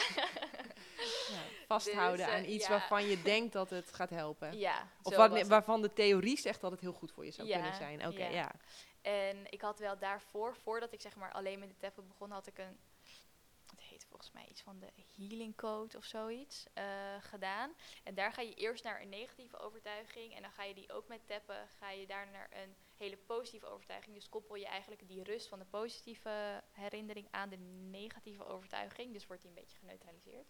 En daar merkte ik dus wel direct dat er eh, allemaal dingen omhoog kwamen. Dus er kwam, als ik dacht aan, ehm, bijvoorbeeld, ik ging inzoomen op wat jij zei, iets wat me die dag eh, irriteerde, of iets aan mezelf wat me irriteerde. En dan ging ik kijken van, oké, nou, waar komt dat dan door? En gewoon mezelf die vraag stellen van, oké, wanneer heb ik dit voor het eerst gevoeld? Of een eerder Ja. moment, wanneer voelde ik me zo? ja. PRI, Eh, Past Reality Integration. I- ja, heb nog nooit deze term gehoord. Oh, oké, ja, eh, dat is ook wat ik doe. oh, Dat je dan gaat connecten van, oké, dus stel je voor, je voelt je gekleineerd of zo. Oké, wanneer was het, kun je je nog herinneren wanneer je voor het eerst dat gevoeld hebt? Ja, ja precies. Dat soort dingen. En dan ging ik met die herinnering. En dan ging je direct, ik weet niet precies hoe dit proces ging, maar direct overschakelen naar een moment waarop ik me extreem geliefd en gewaardeerd voelde. En dat kon echt alles zijn. Ik had gewoon heel veel momenten dat ik gewoon, dat mijn hond naar me toe kwam rennen in het park. is zo grappig. Ik dacht echt direct, oh ja, knuffelen met de hond. Ja, ja, nou, ik denk het, jij zegt ja. het. Super grappig, ja, ja. nou, dat had ik dus. Die echt- onvoorwaardelijke liefde van die huisdieren Ja. toch? Nou, die heeft me echt eh, overal doorheen gesleept. dus dan dacht ik gewoon daaraan. En dan ging ik gewoon door met, zeg maar, zij, het was een andere tapping, eh, hoe noem je Protocol. dat? Ja, ander protocol. En eh, dat ging je dan doen. En dan merkte ik echt, want ik had heel veel, zeg maar, moeite met de relatie met mijn ouders. En ik merkte echt daarin dat zoveel wat ik zeg maar tegen mijn ouders had, daardoor gewoon direct verdween. Gewoon oplossen. Dat ik dacht, oh, maar ik beoordeel je helemaal niet meer zo. Ik heb helemaal niet meer die gevoelens tegenover jou. Eh, dus dat merkte ik echt direct. Maar als het aankwam echt puur op mezelf en die acceptatie, duurde dat wel even voordat dat echt verankerd was. Maar later met dat tappen ehm, voelde ik wel heel erg dat ik echt van de weerstandmodus zeg maar naar de in ontspanning zakte. Door dat tappen en dat eh, herhalen. Ja, ja wauw. Ja, ik ben er echt zo blij mee. En, ja, ik- en ja. ik, nou, ook complimenten dat je het bij jezelf bent gaan doen. Ik Mhm. merk nu dat ik help nog heel vaak mensen. En dan gaan we het samen doen. Mhm. wat echt ook voor mij heel erg fijn is. Want eh, als ik heel, dan heel jij. Ja, klopt, En eh, dat, is, ja, dat is super fijn. maar je- moest je het ook alleen doen? Of, of, of heb je het op internet Ehm, opgesnord? Hoe, hoe, Ja. nou, ik heb het heel, sowieso heel veel van internet gehaald. En uit boeken. Echt heel veel boeken gelezen. Eh, ook over hele oude geneeswijzen. Dat had echt, eh, ik had zo'n obsessie daarvoor opeens. Dus daar heb ik heel veel vandaan gehaald. En daar kwam je eigenlijk ook in principe in elke cultuur. Ik heb echt gekeken, zeg maar, Afrika, Azië, eh, Inuit, Amerika, oude culturen, zeg maar de Kelten in Europa. En in principe zijn er altijd meer, ja, twee componenten. Dus dat is bidden tot iets tot God of tot de natuur, afhankelijk van ehm, ja, wat er dan is. Ja. En eh, fysieke dingen, dus voeding en kruiden. In principe altijd kruiden.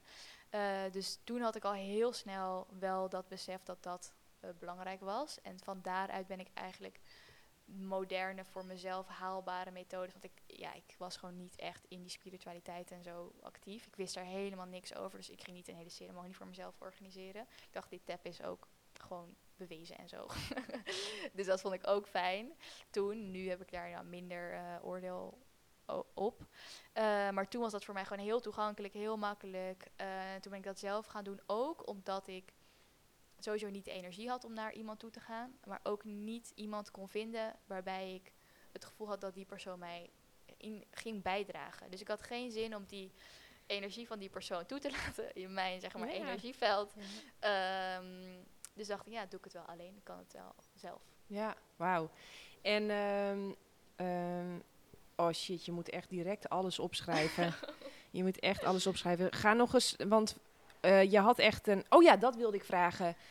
D- überhaupt die omgeving. Je gaat Ja. helemaal plantaardig eten. Je weigert alle adviezen van de dokters. Je weigert bestraling. Je weigert wegsnijden. Je weigert Ja. Eh, ja, maar die, was maar die tumor heeft maar heel kort geduurd hè, in verhouding tot zeg maar, dit hele ziekteproces. Dus dat was... Ja, maar toch. Ik kan me voorstellen dat de hele omgeving zegt, je bent knettergek, laat het er even uitsnellen, snijden, ja. even lekker stralen met die handel.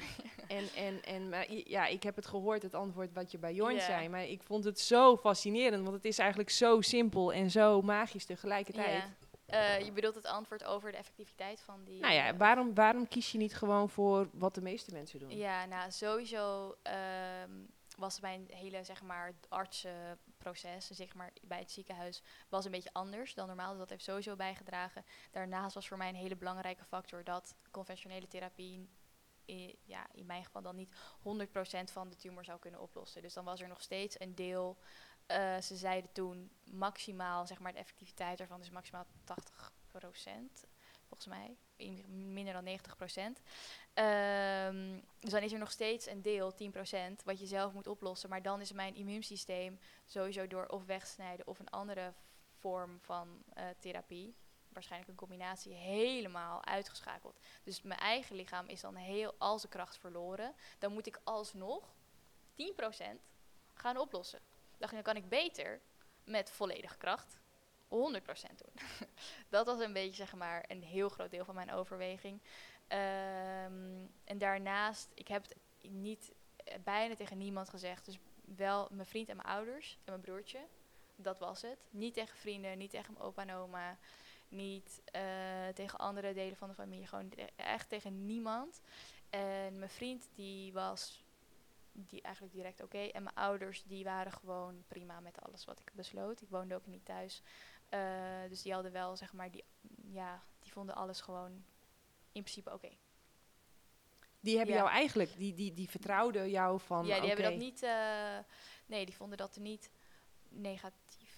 Misschien als het langer had geduurd, dat het wel anders was geweest. Maar omdat ook de effectiviteit van wat ik er dus aan doen was, echt zo hoog was. En de tumor in principe in mijn borst was, een beetje buiten mijn lichaam. Waardoor het ook het verschil erin heel erg makkelijk voelbaar was. Dus het was eerst een tumor zo groot als, als mijn duim, zeg maar. eh, diameter. En ik was toen ook heel dun, dus het was heel goed zichtbaar. En stulpten het uit. Mm, nou ja, wel een klein beetje. Maar ja, ja, je zag het wel echt, zeg maar, eh, bij, ja, je zag het gewoon. Ja. Dus je zag dat heel duidelijk. Ook, zeg maar, het formaat, zelfs als ik kleding aan had of gewoon, zeg maar, een zachte BH, zag je ook echt verschil in formaat van Ja, borst. ja. Ehm, dus dat, en dat werd eigenlijk, nou, niet direct direct, maar wel binnen een enkele weken, zeker twee weken, was er echt heel groot verschil te merken. Eh, of nou ja, heel groot, merkbaar verschil. En stel je voor, pistool op je hoofd. Ja. Je had alleen nog maar, eh, je had alleen nog maar spiritueel werk mogen doen, zeg maar emotioneel, mentaal. eh. Of je had alleen nog maar gezond mogen eten. Ja, op dat moment had ik zeker voeding gekozen. Op dat moment voeding. Ja, maar nu niet meer. Oh, wauw, Ja. vertel. nou, omdat mij dat op dat moment zoveel houvast gaf. Dus zeg maar dat voedingspatroon waarvan ik, waarvoor ik toen op dat moment heb gekozen. ehm, dat gaf mij zoveel zekerheid, omdat dat zo vaak zeg maar, bewezen was en zoveel mensen voor mij hadden het gedaan. Dat dat mij zoveel vertrouwen gaf dat ik eh, dat boven, hoewel ik wel wist dat het door zeg maar, trauma veroorzaakt was, dacht ik: oké, maar het is die voeding die ervoor gaat zorgen dat het niet meer verder kan groeien. Dan is het mijn eigen lichaam die ervoor gaat zorgen dat het wordt opgeruimd. Dus ik had toen voeding gekozen. Ja. Maar we zijn nu een paar jaar maar we verder. zijn nu verder. Nu zou ik zeggen spiritueel werk. Want nou, waar ik het dus in het begin van de podcast over had. Als er geen blokkade in jouw energiesysteem is, is er ook geen manifestatie van iets mogelijk. Eh, dus het weghalen van de oorzaak is sowieso meer effectief dan eh, het stoppen van de trigger. Of het verminderen van de trigger. Eh, want stel die trigger komt op een later moment weer terug, dan krijg je precies dezelfde reactie, omdat diezelfde blokkade nog op dezelfde plek zit, die zorgt voor dezelfde manifestatie. Ja, ja, mooi. Dus eigenlijk alle op, onopgeloste shit in je denken, in je Mhm. familie, in je, in je zijn, dat is Mhm. eigenlijk wat het pistool laat. Ja, En, en heb je dan een verkeerde leefstijl, dat haalt de trigger over. ja, ja, precies. De ja. trekker over. ja, Oké, dus zo zie ik het dan wel een beetje. ja. Wauw. Ik, ik ga naar mijn lijstje, sorry. Kijk even naar je Ja, lijstje. ja, ja. Even kijken. Ehm, dat smart tappen hebben we gehad. We hebben eigenlijk alleen maar zo gedaan. Ja, maar je, hebt doet, een eh, je doet eh, hier, ja, toch? die. Hier, Ja, volgens mij begin je hier, dan hier. Dan hier, dan hier, dan hier, dan hier, dan hier, dan hier en dan hier. Oké. Maar de grap is dat ze dat ook niet eens zeker weten. Volgens Ja, mij. want ik heb ook eh, variaties gezien, maar Ja. met maar vijf punten of zo. Ja. Dan doen ze eigenlijk zo, hier, Ja. hier, ja. hier. Dus volgens Hier, mij hier. is het gewoon maak contact met je lijf. Ja. En doe dat net zo lang totdat je voelt van... hé, hey, ja, ik ben eigenlijk best wel chille baas op Ja. dit moment. Het, eh, vijf minuten geleden was ik nog tens, was ik nog Mhm. boos, was ik nog verdrietig... was ik nog eh, ja. in paniek, had ik nog allemaal niet helpende overtuigingen. Nou, als ik er nu aan terugdenk... Best oké. me... Ja, toch? Zo gaat Ja. het. Ja, Ja, precies. Precies. Nee. gaaf. Oké, nou dat hebben we dus... ehm, nou, we hebben de anticonceptie. Eh, is Ja. moraal van het verhaal condoom? Voor de zingen de kerk uit? Eh, nou, voor het zingen de kerk uit, effectiviteit daarvan is... Ja, volgens mij statistisch gezien verkleint de kans op zwangerschap met ergens in de 80%. Dat is nog best wel hoog. Ik weet niet precies hoe dit werkt, want je kan gewoon zwanger worden als je je van al dat voorvocht. In principe heb je daar niet eh, heel lang voor nodig om zwanger te kunnen worden. Ja. Eh, maar wat ik zou doen is eh, zorg dat je een regelmatige cyclus krijgt. Eh, Zorg dat je regelmatig ziektes Hoe doe krijgt. je Ja. dat? ja, hoe doe je dat? Ja, ik denk... Ja, dat is heel erg denk ik afhankelijk van wat er bij jou voor zorgt dat de cyclus niet regelmatig is. Dus Maar volgens mij is dik zijn, ja, even veel vet veel hebben. vet hebben is niet best. Ondergewicht hebben is ook, eh, ja, zorgt ook voor het uitblijven van je menstruatie. Ja, veel vet hebben zorgt wel eerder voor heel veel klachten bij je menstruatie. Dus ondergewicht zorgt gewoon voor dat die wegblijft. Niet iedereen over één kam scheren, er zijn altijd uitzonderingen. Maar vaak zorgt wel een eh, te hoog, voor jouw lichaam te hoog vetpercentage voor eh, een te hoge oestrogeenspiegel. Eh, wat weer zorgt voor PMS, zware menstruaties, ja, bepaalde vormen van depressie, acne, weet je, dat kan er allemaal door getriggerd worden. Dus zorg dat je lekker in je vel zit. En probeer gewoon onbewerkt natuurlijke dingen te eten. Voor niet eens iedereen is het nodig om. Nou ja, veganistisch vind ik wel echt het beste. Dat zou ik wel zeggen dat dat het meest optimale dieet voor eh, een menselijk lichaam is. En eh, bewegen natuurlijk heel belangrijk. En zorg dat je die gifstof een beetje afvoert. Want dat zorgt er ook heel vaak voor dat, eh, dat je last hebt van van alles. Ook je menstruatie. En wat je dan nog meer moet doen, ja, dat is denk ik een beetje de basis. Dat is de basis. Ja, en dan emotioneel werk. ja. Zeker bij aandoeningen, heftigere aandoeningen. Ik vind het zo mooi ook dat jij... eh, eh, sorry, ik praat door je heen. Nee, praat lekker door Oh, me heen. Ja. oké. Ja, ik vind het zo mooi dat je de band met je ouders zoveel aandacht hebt gegeven. Eh, dat weten mensen wel van mij. Ik heb het ook al heel vaak verteld eh, dat dat voor mij ook echt een game changer is geweest. Mhm, Door, ik had ook allemaal oordelen. mhm. En, ehm, en, en die, ik weet niet wat dat doet, maar hè, we weten natuurlijk die, die, die wetten van het familiesysteem. Ja, Eh, je moet echt op je juiste plek plek staan. En als Ja. jij oordelen hebt over je ouders, dan stijg je eigenlijk op. ja, Eh, dan ga je of naast of boven je ouders staan, omdat je Mhm. zegt van ja, ik weet het eigenlijk beter. ja. Met jullie, eh, toen ik op jullie plek zou had gestaan, zou ik het heel anders hebben gedaan. Nou, dat is natuurlijk niet zo.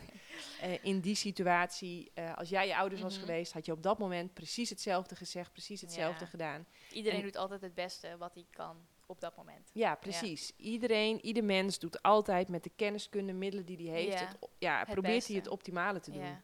Ehm, ja, ik had daar een heel. Ik dacht, eh, nee, mijn ouders zijn gewoon klootzakken, kwaadwillig. die hebben mij gewoon. eh, maar dat.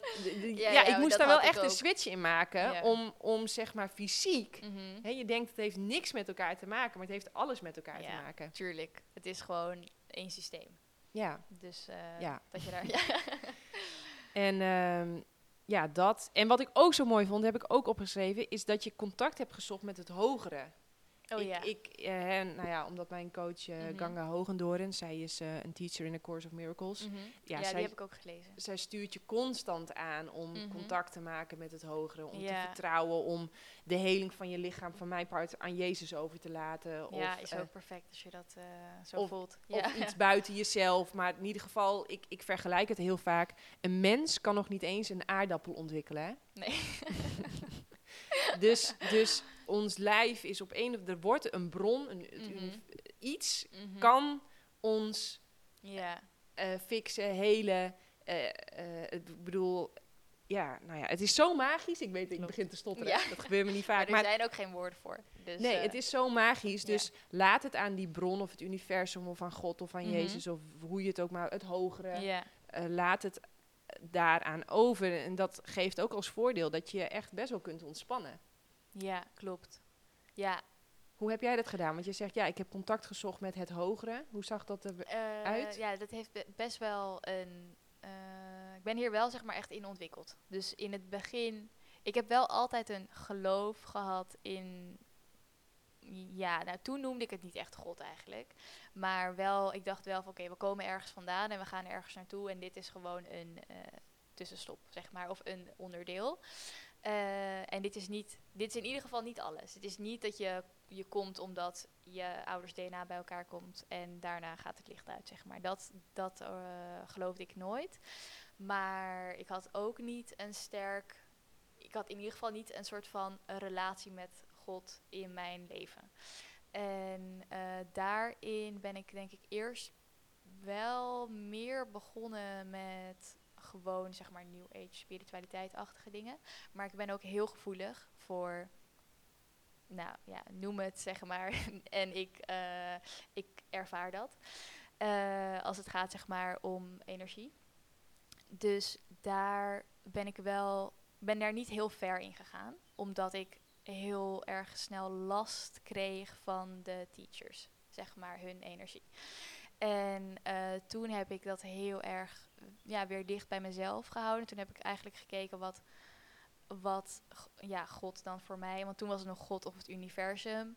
En later ben ik dat wel echt gaan onderscheiden in twee ap- aparte dingen. Eh, en is die relatie ja, met God dan ook meer eh, aanwezig geworden in mijn leven, eigenlijk. Wauw, je zegt heel mooi, eh, we hebben God en we hebben het universum. Hoe, Ja. hoe werkt dat voor jou? Nou, ik zie God wel als de bron. Dus als je dan in die termen zou spreken, zou ik God zien als de, eh, als de maker van eh, het universum. En dan heb je het universum en daarin zijn heel veel verschillende onderdelen, plekken, energieën, stromingen. Ehm, ja, dat zou ik dan meer omschrijven als een soort van grotere wereld of zo. Ja, oké. Dus en dan heb je God en die staat daar echt wel boven. Oké, wauw. Ja. Ehm, wat, wat, ik, wat, wat voor mij ook heel erg helpend is in dat eenheidsbewustzijn, Mhm. is eh, stel je voor we pakken een magneet en die slaan we letterlijk in 7 miljard stukjes. Dan hebben al die magneetjes hebben dezelfde functie en dezelfde eigenschappen Ja. en die zijn identiek aan elkaar. Ook al is de een misschien verbrokkeld in een rondje en de ander Mhm. verbrokkeld in een vierkantje ja. en de ander in een splinter. Mhm. Het, het is hetzelfde. ja. En als, ja, ik weet niet, dat helpt mij ook heel erg om zo naar mensen te kijken. Dus ook al heb jij andere Mhm. haar, andere ogen, een ander leven, we zijn één. We komen allemaal Uit dezelfde bron. uit dezelfde bron. Ja. We, zijn, het, we zijn hetzelfde. Of vergelijk het met een wiel. Eh, we een wiel heeft altijd een, een kern. En daaruit komen op dit moment ongeveer 7 miljard spaken. Ja. En daaromheen zit weer een wiel. Dus het is allemaal met elkaar. De, die wiel die snap ik niet helemaal, maar die magneet Oké. snapte ik heel goed. Oké, we- je, je hebt, de, je hebt Ja. de as. ja, Uit die en, as en komen... dat zie jij als God? Of als Ja. de bron? Ja, nee, nou eigenlijk alles. Oké. Dus, maar jij ziet het hele wiel als het universum. Dat, dan is, oké, leuk. Dan is, Ja. dit, dan is dit God, dan Ja. zijn dit wij Ja, en dan is dat het universum. ja maar zo het, is, begreep ik hem. maar het is één. Ja. Maar ik vind wel dat, of in ieder geval in mijn perceptie zie ik het wel zo dat eh, misschien God wel mij is, maar ik niet God ben. Oh, Snap je? oh wauw. Dus ik denk zie- wel dat je het bent. Want hoe kan je afgescheiden? Want het ego is afgescheiden. Die zegt wel, jij bent dat en ik ben dit. Nee, we zijn, dat is het leuke. Maar je bent dan toch, ik zou wel zeggen dat God wel meer is dan ik. Snap wat ik bedoel? Oké, ja, ik niet. Oké, dus jij ziet God echt als zeg maar. Jij bent God, ik ben God. En God is God. Ja. Oh ja. Ja, zo, die heb ik ook nog. Die had ik hiervoor eigenlijk. Zo dacht ik het ook eerst. Maar nu voel ik het meer als wel iets dat ik wel een expressie ben daarvan, maar Ja. niet dat ik zeg maar de hele bron ben. Snap wat ik bedoel? Ja, ja, oké. ja, Ja. snap het. Ja, leuk, leuk. Nou, goed. Dus meer als een soort van klein vlammetje uit een vuur. Snap wat ik bedoel? Dus de Ja. vlam is wel het vuur en het is, kan er, wordt er ook weer mee, nou ja, kan er weer mee verenigen, maar het is niet alles. Nee, oké, maar als ik denk aan de oceaan, Ja. dan denkt het ego, ik ben een golfje of een schuimkopje. Ja. Ehm, maar als golf blijf jij oceaan. Ja, ja zo klopt die Dus je, je kunt niet Misschien het afgescheiden zijn. Nee, ik zie het ook niet als afgescheiden. Oké, ja. Ik zie het wel als... ehm, maar zo zou ik het ook wel omschrijven. ik denk dat we gewoon andere woorden hiervoor hebben. Ja, ik vind het wel leuk dat we even lekker zo aan het sparren zijn. Maar eh, moraal van het verhaal, je hebt gewoon contact gemaakt met iets hogers. Iets buiten jezelf. Mhm. Iets, iets. En maar je daar zegt heb het je... wel als buiten jezelf. Dus je ziet God wel als buiten jezelf. Of, maar Nou ook ja. binnen jezelf. Ja, het is beide. Ja. ja, zo zie ik het ook wel. Dus ja, misschien je- bedoelen we wel hetzelfde. Ja, maakt niet uit. Leuk dit, eh, deze sparpartij. Een moraal van het verhaal. Je hebt contact gezocht met iets groters, met iets, Ja. met iets. En daar heb je een soort van vertrouwen uitgehaald of een soort van eh, angst ingelegd. Zo van, Ja. draag jij het, doe jij het, fix jij het. Ik, ik, ik, ik leun achterover. Ik ga ook niet de hele tijd op je vingers checken Mhm. van, doe je het wel goed? Eh. Ik zou het anders doen. Eh, ga je wel snel genoeg? Nee, je, je berust ergens in of zo. Dat, je, dat er voor je gezorgd wordt. Ja, klopt. Ja, die angst is dan. Het is niet dat ik die angst actief dan wegleg, maar omdat dat vertrouwen gewoon komt, eh lost die angst eigenlijk dan vanzelf op. Dus mijn focus was niet op bepaalde dingen niet meer hebben, maar wel op bepaalde eigenschappen overnemen, zeg maar. Dus dat was ook wel belangrijk. Wat nam ik. je over? Ja, gewoon dat vertrouwen in eh, dat het wel goed, dat het al goed is. Eigenlijk. Dus maakt niet uit hoe het is, dit is nu goed. Wauw. Dus Dus ieder moment is het perfecte moment. Iedere situatie Ja. is de perfecte ja, situatie. ja, precies. Jij bent verantwoordelijk voor alles? Ehm, nee, dat zou ik niet zeggen. Eh, maar ja, misschien als je het breder trekt dan weer wel. Maar ik denk als je het zo kijkt op, ehm, op zeg maar individueel vlak, dan zou ik niet zeggen dat een bepaalde gedachte direct een bepaald negatief eh, iets aantrekt. Zeg maar zoals in de New Age dan misschien heel erg wordt gepredikt. Eh, ik geloof wel dat er een groter, er is wel een groter plan die ook bepaalde dingen gewoon voor jou niet dat het voor je is bepaald, want je bepaalt het wel weer zelf als je helemaal uitzoomt. Ehm, maar het is niet. Er is in ieder geval niet een schuldrelatie, zeg maar, met jezelf. Nee, precies. Wauw, mooi dat je dat zegt. Ja. Je bent onschuld. Ja, precies. Ja. Ja. nee, er is geen schuld. Dus. eh, Nee, oké, ja. ik snap dat je dat zegt, omdat voor heel veel mensen is God een grote boze meneer Ja. die aan het oordelen is. Jij doet het goed. Nu Of fout. Of fout. Ja. En, is En er het dus, meeste is fout. en het meeste is doen. fout, dus wordt er, is er schuld. Ja. En ik vind het echt super gaaf dat je het zegt. Jij gaat dus uit van, nee, ik ben onschuld, het is onschuld, Ja. het is goed. Mhm. Ja, dat is wel een basisgeloof eh, van mij. Eh, Ik zou wel zeggen dat er wel... Er is wel goed en slecht. Dat zou ik wel zeggen, maar er is niet een schuld. En ook niet als je zegt van... Zijn, ben jij verantwoordelijk voor alles? Dan is het ook niet zo dat jij de schuld hebt van iets wat jou is overkomen. Dus ja. zo wil ik wel even... Ja, mooi. Ik vind ook, ja, sorry, ik ga helemaal hierop aan, omdat ik het ook super gaaf vind dat je zegt wel, er is goed en slecht. Inderdaad, want ehm, heel veel spiritual bypasses wordt gezien als ik ben beter dan jij, want ik, ben, eh, ik heb bepaalde kennis of ik ben een soort van verlicht of zo. Dat wordt echt heel vaak gezien als Uh-huh. spiritual bypass. Terwijl ik denk dat een super veel voorkomende spiritual bypass is dat we alles maar, ja, want het is allemaal één, we zijn allemaal één, Alles Dus- is licht. alles is licht, alles is liefde. Met als gevolg dat we een klote baas die ons bijvoorbeeld echt onjuist behandelt, ja, eh, daar lief tegen gaan lachen en dat allemaal gaan accepteren. Nee, Ja, er is goed klopt. en eh, slecht. En als jij, als er ego-gedrag is Mhm. wat jou benadeelt, dan moet, je, daar wel wat van gaan zeggen. Ja, je moet wel grenzen stellen. je moet je Ja. grenzen stellen, je moet goed voor jezelf zorgen. Ja, ehm, en, en, en ja, dat. ja precies. Ja. Wauw, leuk. Super. Ehm, missen we nog dingen? Ehm, ik weet niet. Waarschijnlijk kunnen we nog echt heel lang Ja, doorpraten. leuk. Heel leuk. Maar ehm, heb jij nog eh, vragen over op je lijstje? Nee, ik heb alles afgevinkt. Ik, ehm, ja, nee, ik heb alles afgevinkt. Ja, de zon. Maar ik heb er ook Eh. superveel blogs over geschreven. Ik ga daar in mijn boeken Nee, heel ja, ik denk dat uitgebreid mensen in. wel snappen wat we bedoelen. En, eh, Toch? Zon is goed, verbranden is slecht. vind je weg er, daarmee. Ja, ja dat is. Nou, eh, de korte kan ik het bijna niet samenvatten, inderdaad. Alles groeit en bloeit door de zon. De Mhm. zon, we hebben het nodig. We hebben allemaal ingebouwde zonnepaneeltjes. ja. Onze hele ga in de zon en je, je cellen gaan allemaal, ah, Ja. helemaal, die gaan helemaal dansen.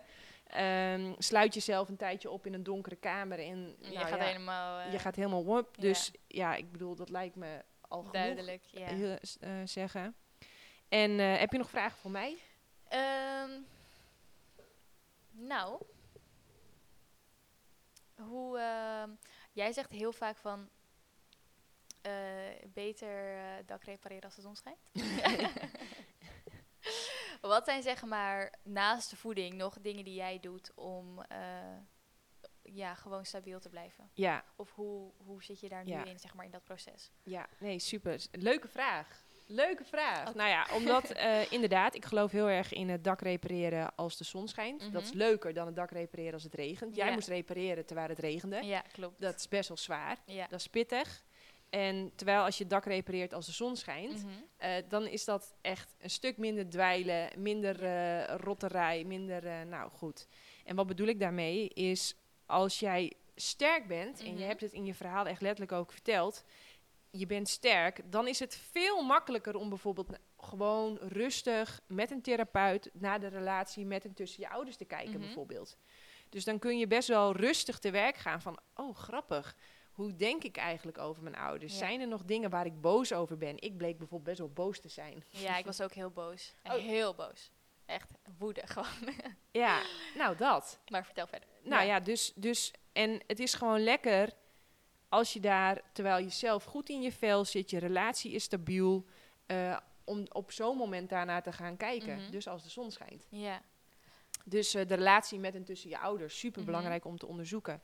Maar ook, ga gewoon bij jezelf na, wat zijn dingen waar ik boos van word? Wat zijn Mhm. dingen waar ik gefrustreerd door raak? Wat zijn dingen die me irriteren? Nou, en Mhm. dan ga daar gewoon eens naar kijken. En als je, ik zou dat wel altijd in het begin samen doen met een therapeut. Eh, met een goede coach of met iemand die je vertrouwt. En ehm, ik vind het wel echt fascinerend dat je zegt, sommigen hebben inderdaad een klote energie. En die zitten er met zo'n groot ego, waar je echt eerder kut uit de sessie komt dan dat je erin ging. Dus je inderdaad. je gaat je ook helemaal openstellen. Ja, dus ik Zeker heb wel. met energetisch werk, zeg maar, wat niet eh, helemaal mentaal of fysiek is. Vind ik dat wel echt een grote eh, factor. Ja, en ik heb op een of andere manier echt het geluk gehad dat ik echt ja, fantastische coaches iedere keer op mijn pad heb gehad. Mhm. Ehm, ja, en, en kijk, aan de andere kant snap ik het ook wel dat als je een trigger hebt, ben je iets gemotiveerder om aan de slag te gaan. Oh, je bedoelt als het eh, dus regent. Als Ja. het regent. Als het Ja. regent en je dak is lek, nou dan Mhm. ga je als een malle aan de Ja. slag. Dus ik vind het ook helemaal niet erg dat het dak kapot is. En ik vind Mhm. het ook niet erg dat het regent. Dat heeft ook wel weer zijn functie. Maar als jij nu op dit moment luistert en je denkt, ja, ik ga eigenlijk best wel lekker. Maar ik heb nog nooit gedacht over de relatie met en tussen mijn ouders. Ik heb nog nooit iets gedaan of onderzocht over mijn familiesysteem. Mhm. Ja, het kan leuk zijn. Ik ben ook weer niet echt een voorstander van graven, graven, graven, graven, graven, graven. Nee. Terwijl je super lekker gaat. ja, dat heb ik ook. Ik zou wel reageren op een trigger. Dan toch? Wel, een- eh, al is het een hele kleine. Al is het een kleine, Ja. maar kleine, doe daar wat mee. Ja. Ik bedoel, ik, ik ben vaak genoeg naar een therapeut gegaan en dat iemand zegt, ik zie daar echt een stralende dame binnenlopen, weet je. Wat doe jij hier? Gezond, eh, energiek, weet je Uh-huh. wel. En dat echt zo van, wat doe jij hier? En dat ik dan ook letterlijk zeg, ja, weet je, ik kom hier gewoon om van een 9 en 10 te maken. Eh, ik zit lekker in mijn vel, maar ik heb, ik, ik, ik, ik heb bijvoorbeeld moeite om die persoon aan te kijken. Ja. Of ik merk eh, dat in die setting dat ik makkelijk boos word. Ja. Of ehm, waar ik nu bijvoorbeeld heel erg aan in investeren ben, dat heb ik een hele tijd geleden ook al gedaan, maar dan ben ik weer helemaal aan het oppakken, is bijvoorbeeld Mhm. geweldloze communicatie. Ja. Dus hoe, hoe kan in ik je relatie? Of Ja, met gewoon met iedereen? met iedereen, dus eh, met mezelf Oh, en ja. met de ander Ja. in mijn relatie, natuurlijk gewoon met iedereen Ja. als coach.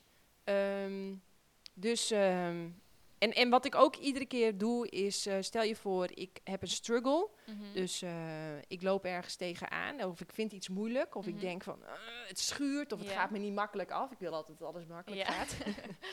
ja, dan ga ik gewoon uitzoeken van wie is een expert op dit gebied. Van Ja. wie kan ik wat leren? Wie, wie, van wie, en bijvoorbeeld hè, met geweldloze communicatie ben ik nu in samenwerking met Marije Roos. Mhm. Ja, eh, daar leer ik gewoon weer van. En dat wil niet zeggen dat ik op communicatief gebied echt een, een eh, super slecht ben. Ik krijg heel vaak complimenten over mijn communicatie. Maar ja, ik heb Maar het dan gaat ook om voor jezelf, toch? dingen die jij merkt en triggers die jij hebt. Ja, en niet wat en- anderen en- daarover van vinden. Nee, Ja. ook dat, goede aanvulling. Maar ik, ja, ik denk dan van, ja, zij is, zij is hier iedere dag mee bezig. Ja. Daar ga ik echt wel wat van leren.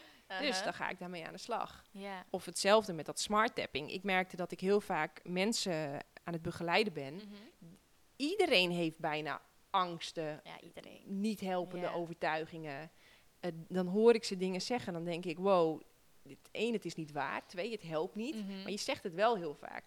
Toen dacht ik, ja, ik moet wat, ik moet wat doen met die angsten, met die Mhm. paniek, met die, ja, ga ik weer op zoek. Ja. En wat ik ook zo fantastisch vind, ik lees natuurlijk superveel. Ja. Ik was bijvoorbeeld een boek van Robert Bridgman aan het lezen, Transformatief Coachen. Mhm. En ik, had, ik stel altijd alle vragen aan het universum. Hè? Zo van universum, ik wil of God, hoor mij, of Jezus, of wie dan ook, weet ik veel. Ja. Maakt me ook geen reet uit. Ehm, ik zou hier zo graag meer van willen leren. Mhm. Of ik zou hier zo graag vaardiger in willen worden. Of Mhm. ik ben er klaar voor om puntje, puntje te ontvangen. Ja.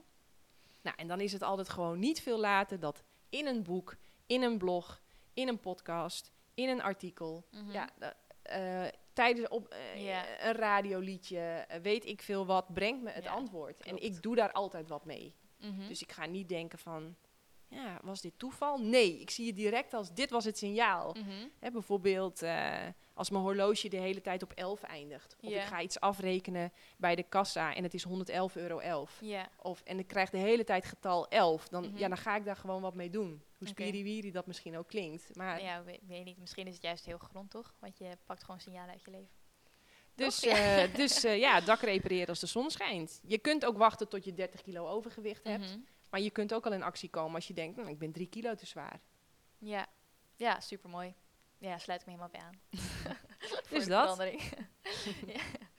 Ehm, denk je dan ook, want ik had nog zeg maar één vraag eh, die een beetje aansluit hierop.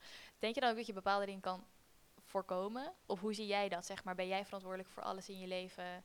Eh, hoe is, ja, wat is jouw relatie daarmee? Ja, dat is een leuke Dus kan, vraag. kan je alles voorkomen en ben jij verantwoordelijk? Dat is een beetje hetzelfde. Eh, je hebt geen controle, Mhm. dus 0% controle, 100% invloed. ja. Dus kijk, je hebt niet over alles bewustzijn. Mhm. Ik had ook geen bewustzijn eerst op het feit dat ik boos was op mijn ouders bijvoorbeeld. Maar op een gegeven moment pik je de signalen op. En Ja. als, je, als je bij jezelf merkt, hé, hey, ik zit de hele tijd in patronen Mhm. waar ik eigenlijk niet in wil zitten. Ja. Of ik herhaal gedrag wa- waar ik bij voorbaat al weet dat ik er achter, achteraf spijt van heb. Ja. Ja, dat vind ik wel allemaal signalen die zeggen van oké, wakker worden. Wat is hier gaande? Maar wat ik een fijne gedachte vind, is Uh-huh. misschien heb jij als kind ook wel eens bij je vader op schoot gezeten in de Mhm. auto. En dan was je drie jaar en dan mocht je de auto besturen. Ik Mhm. zie het nu aan Duitse. Ze was nog geen jaar. We zetten haar achter het stuur en ze ging op de knopjes en ze voelde zich echt de koningin. Toen dacht ik, Uh-huh. hoe lekker is dat? Dat, dat ook, al, ook al bestuurt zij die auto niet, ze heeft wel het gevoel dat ze die auto bestuurt. En, dat, en dat, dat, dat, ze, ze voelt zich daarom Ja, eh, zoiets eh, lekker. In die Dus dan denk ik meegaan. altijd, ga gewoon achter het stuur zitten. Mhm. Misschien heb je wel geen invloed, Ja, geen controle, maar Mhm. doe gewoon lekker alsof. Ja. Laat je gewoon goed het voelen. geeft gewoon zekerheid. Ja. Ja, Of nou, het geeft gewoon, gewoon een fijn, energiek, en motiverend. eh, ja, klopt. ja, dus ehm, nee, je wordt niet met opzet ziek. Nee, er is geen sprake van schuld. Ehm, allemaal nee, nee, nee. Ehm, Je hebt wel bepaalde maten in ieder geval van invloed. Dat is wel, z- ik vind wel dat, of dat geloof ik wel, misschien kies ik er ook voor om dat te geloven, maar dat er wel een bepaalde maat van invloed is. In ieder geval, je hebt in ieder geval volledige eh, eigen wil over hoe jij de situatie ervaart. Ja. Dat in ieder geval. Ja, en, dat, en ik, ik ga niet zeggen dat dat makkelijk is, want de hele maatschappij is er wel op ingericht om jou in die slachtofferpositie te houden. Ja. Dus eh, hè, alleen Oh, dat al... wilde ik ook nog zeggen over, want wij hebben allebei gekozen. Sorry, ik ga er helemaal doorheen. Nee, nee, nee, ja, ik hoor al wat je gaat zeggen. Kijk, de arts gaat tegen jou praten. Ja, maar ook eh, mentale zorg. Maar jij hebt dan gekozen voor dat tapping en die relatie met je ouders verbeteren door bij jezelf te gaan kijken. En dat heb ik ook heel erg gehad. Terwijl als je gaat kijken naar toch wel meer conventionele therapie, is er wel meer een eh, iets is jou aangedaan, daar heb jij last van, daar heb jij therapie voor nodig en iemand is slecht, die persoon die jou iets aandoet, en jij bent dan goed en zielig, slachtoffer. en eh, of zo komt het in ieder geval op mij over. Is zeker niet de bedoeling, Maar daardoor blijf je wel lang ook in die therapie de hele tijd eh, zitten, zeg maar. Ja, ja, ja, klopt. Dus ehm, ja, nee, dat, dat, dat en, en luister maar. Ik, ik bedoel, klein voorbeeldje. Ik had een, eh, werd gestoken in mijn been, Ja. blijkbaar. Ik ben er zelf niet bij geweest. Ik heb er geen last van gehad. Mhm. Maar ik kreeg op een gegeven moment een kring, jongen, niet te geloven. Echt over mijn hele... Door het take. Dat weten we niet. Oh. We denken het. Mhm. Maar het was een goede beet. En Ja. eh, tenminste, hij had een mooie uitwerking. En die, die kring, joh, die werd zo. Uh-huh. En toen dacht ik op een gegeven moment, "Hmm, het gaat toch niet vanzelf weg. Hij wordt Mhm. steeds groter en groter. En Ja. ik, eh, ik maar mediteren. Ja. maar eh, ja, met mediteren krijg je toch niet altijd al het onkruid uit de tuin. Dus eh, ik dacht, nou, weet je wat? Ik moet dan misschien toch even naar de huisarts. Nou, ah, nou ja, in ieder geval. en hoe er toen tegen mij gesproken werd. Nou, oh, oh, oh. Ik, vertel. ik had het op willen nemen. En dat heb ik niet gedaan. Maar toen dacht ik, als jij niet sterk in je schoenen staat. Mhm. Als jij niet overtuigd bent van de kracht van kruiden. Ja. Als jij niet overtuigd bent van het zelfhelend vermogen van je lichaam. Als jij niet overtuigd bent van wat je denken met je Mhm. fysiek doet. Dan ga je gewoon voor de bijl. En dan ga je lekker pillen slikken en antibiotica nemen. Ja. En allemaal dingen waarvan ik denk dat het averechts werkt. En ik, en ik heb echt, echt, mijn takeaway was echt, wow, wow. Als ik hier niet met zo'n bak zelfvertrouwen naar Ja. binnen was gekomen, dan was ik nu, dan was ik nu, die vrouw die heeft letterlijk gezegd, dus jij hebt over vier weken het WK en je ticket is al besteld? Ze zegt, annuleer maar hoor, want je kunt echt niet naar het WK. Ben ik derde geworden. Drie verschillende artsen teruggebeld om mij erop te wijzen hoe onverantwoordelijk ik mij aan het gedragen was. Echt? Door antibiotica te wijzen. Ja, zij dachten ziekte van Lyme. En Ja. zij dachten dat ik nu in een rolstoel zou zitten als ik me zo zou gedragen. En bla bla bla bla bla. Ja. Terwijl ik heb dat. eh, wat merkte ik namelijk? Die kring werd steeds groter en mijn hartslag werd steeds hoger. ja. En toen dacht ik wel, oké. Maar ja, het ook, als je lichaam aan het herstellen is, gaat dat natuurlijk ook gebeuren. ja, maar ik heb Dat dat, proces wel echt eh, goed ondersteund met kruiden. En ik was echt binnen no time weer eh, op de rit. Ja. Super, super mooi. Ja, en hetzelfde met blaasontsteking. Als jij met Uh-huh. blaasontsteking naar de huisarts gaat, dan krijg je gewoon direct antibiotica. Antibiotica, Ook al ja. is dat antibiotica nu kuur nummer 200. Antibiotica, antibiotica, antibiotica. Terwijl ik heb vroeger ook helaas heel veel blaasontsteking gehad. Nu ben ik er helemaal van af. Maar ik leerde al heel snel hoe ik dat kan fixen met kruiden. Nou, ik Ja, hoef nu maar in iets principe op is dat makkelijk op te lossen. super makkelijk Ja. op te lossen.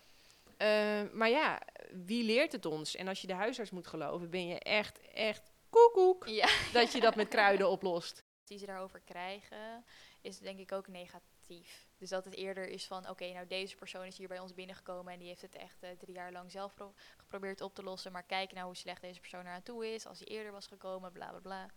Toch? Dat zal wel.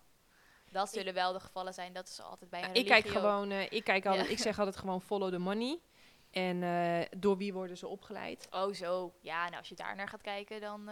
Ja, ik vergelijk het wel eens met naar de McDonald's gaan. Daar ga je, en, en dan vervolgens verwachten dat je daar een groene smoothie krijgt. ja, nee, Nee. dat gaat gewoon niet. Nee, ze Nee. bakken daar hamburgers en ze, ze, ze maken de milkshakes. Ja, En dat is eigenlijk hetzelfde met het reguliere circuit instappen. ja, Eh, ze verdienen meer aan jou als je ziek, zwak en misselijk bent.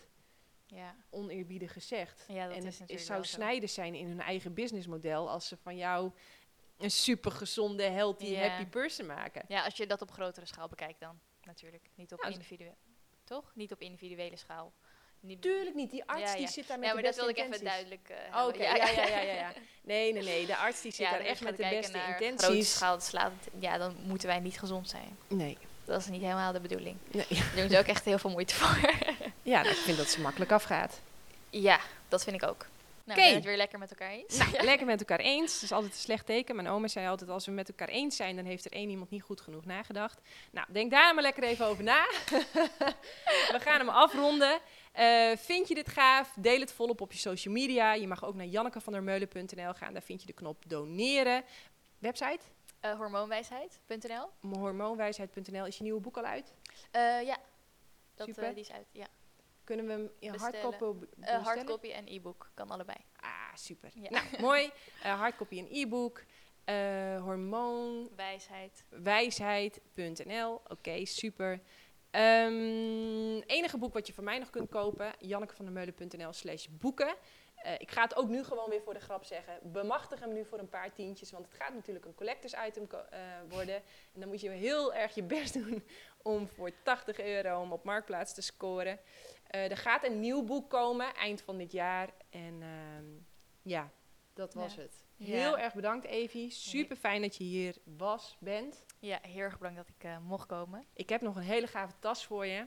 Eh, dus die sta, gaan we zo halen. Ik zou het leuk vinden als je mee eet. Ga ik je Mhm. de win-win salade geven. Ja. Vol met kruiden natuurlijk. Bladgroen, kiemen, zeewier, fruit. Alles erop en eraan. Jij, super bedankt voor het kijken. En tot snel. Doei!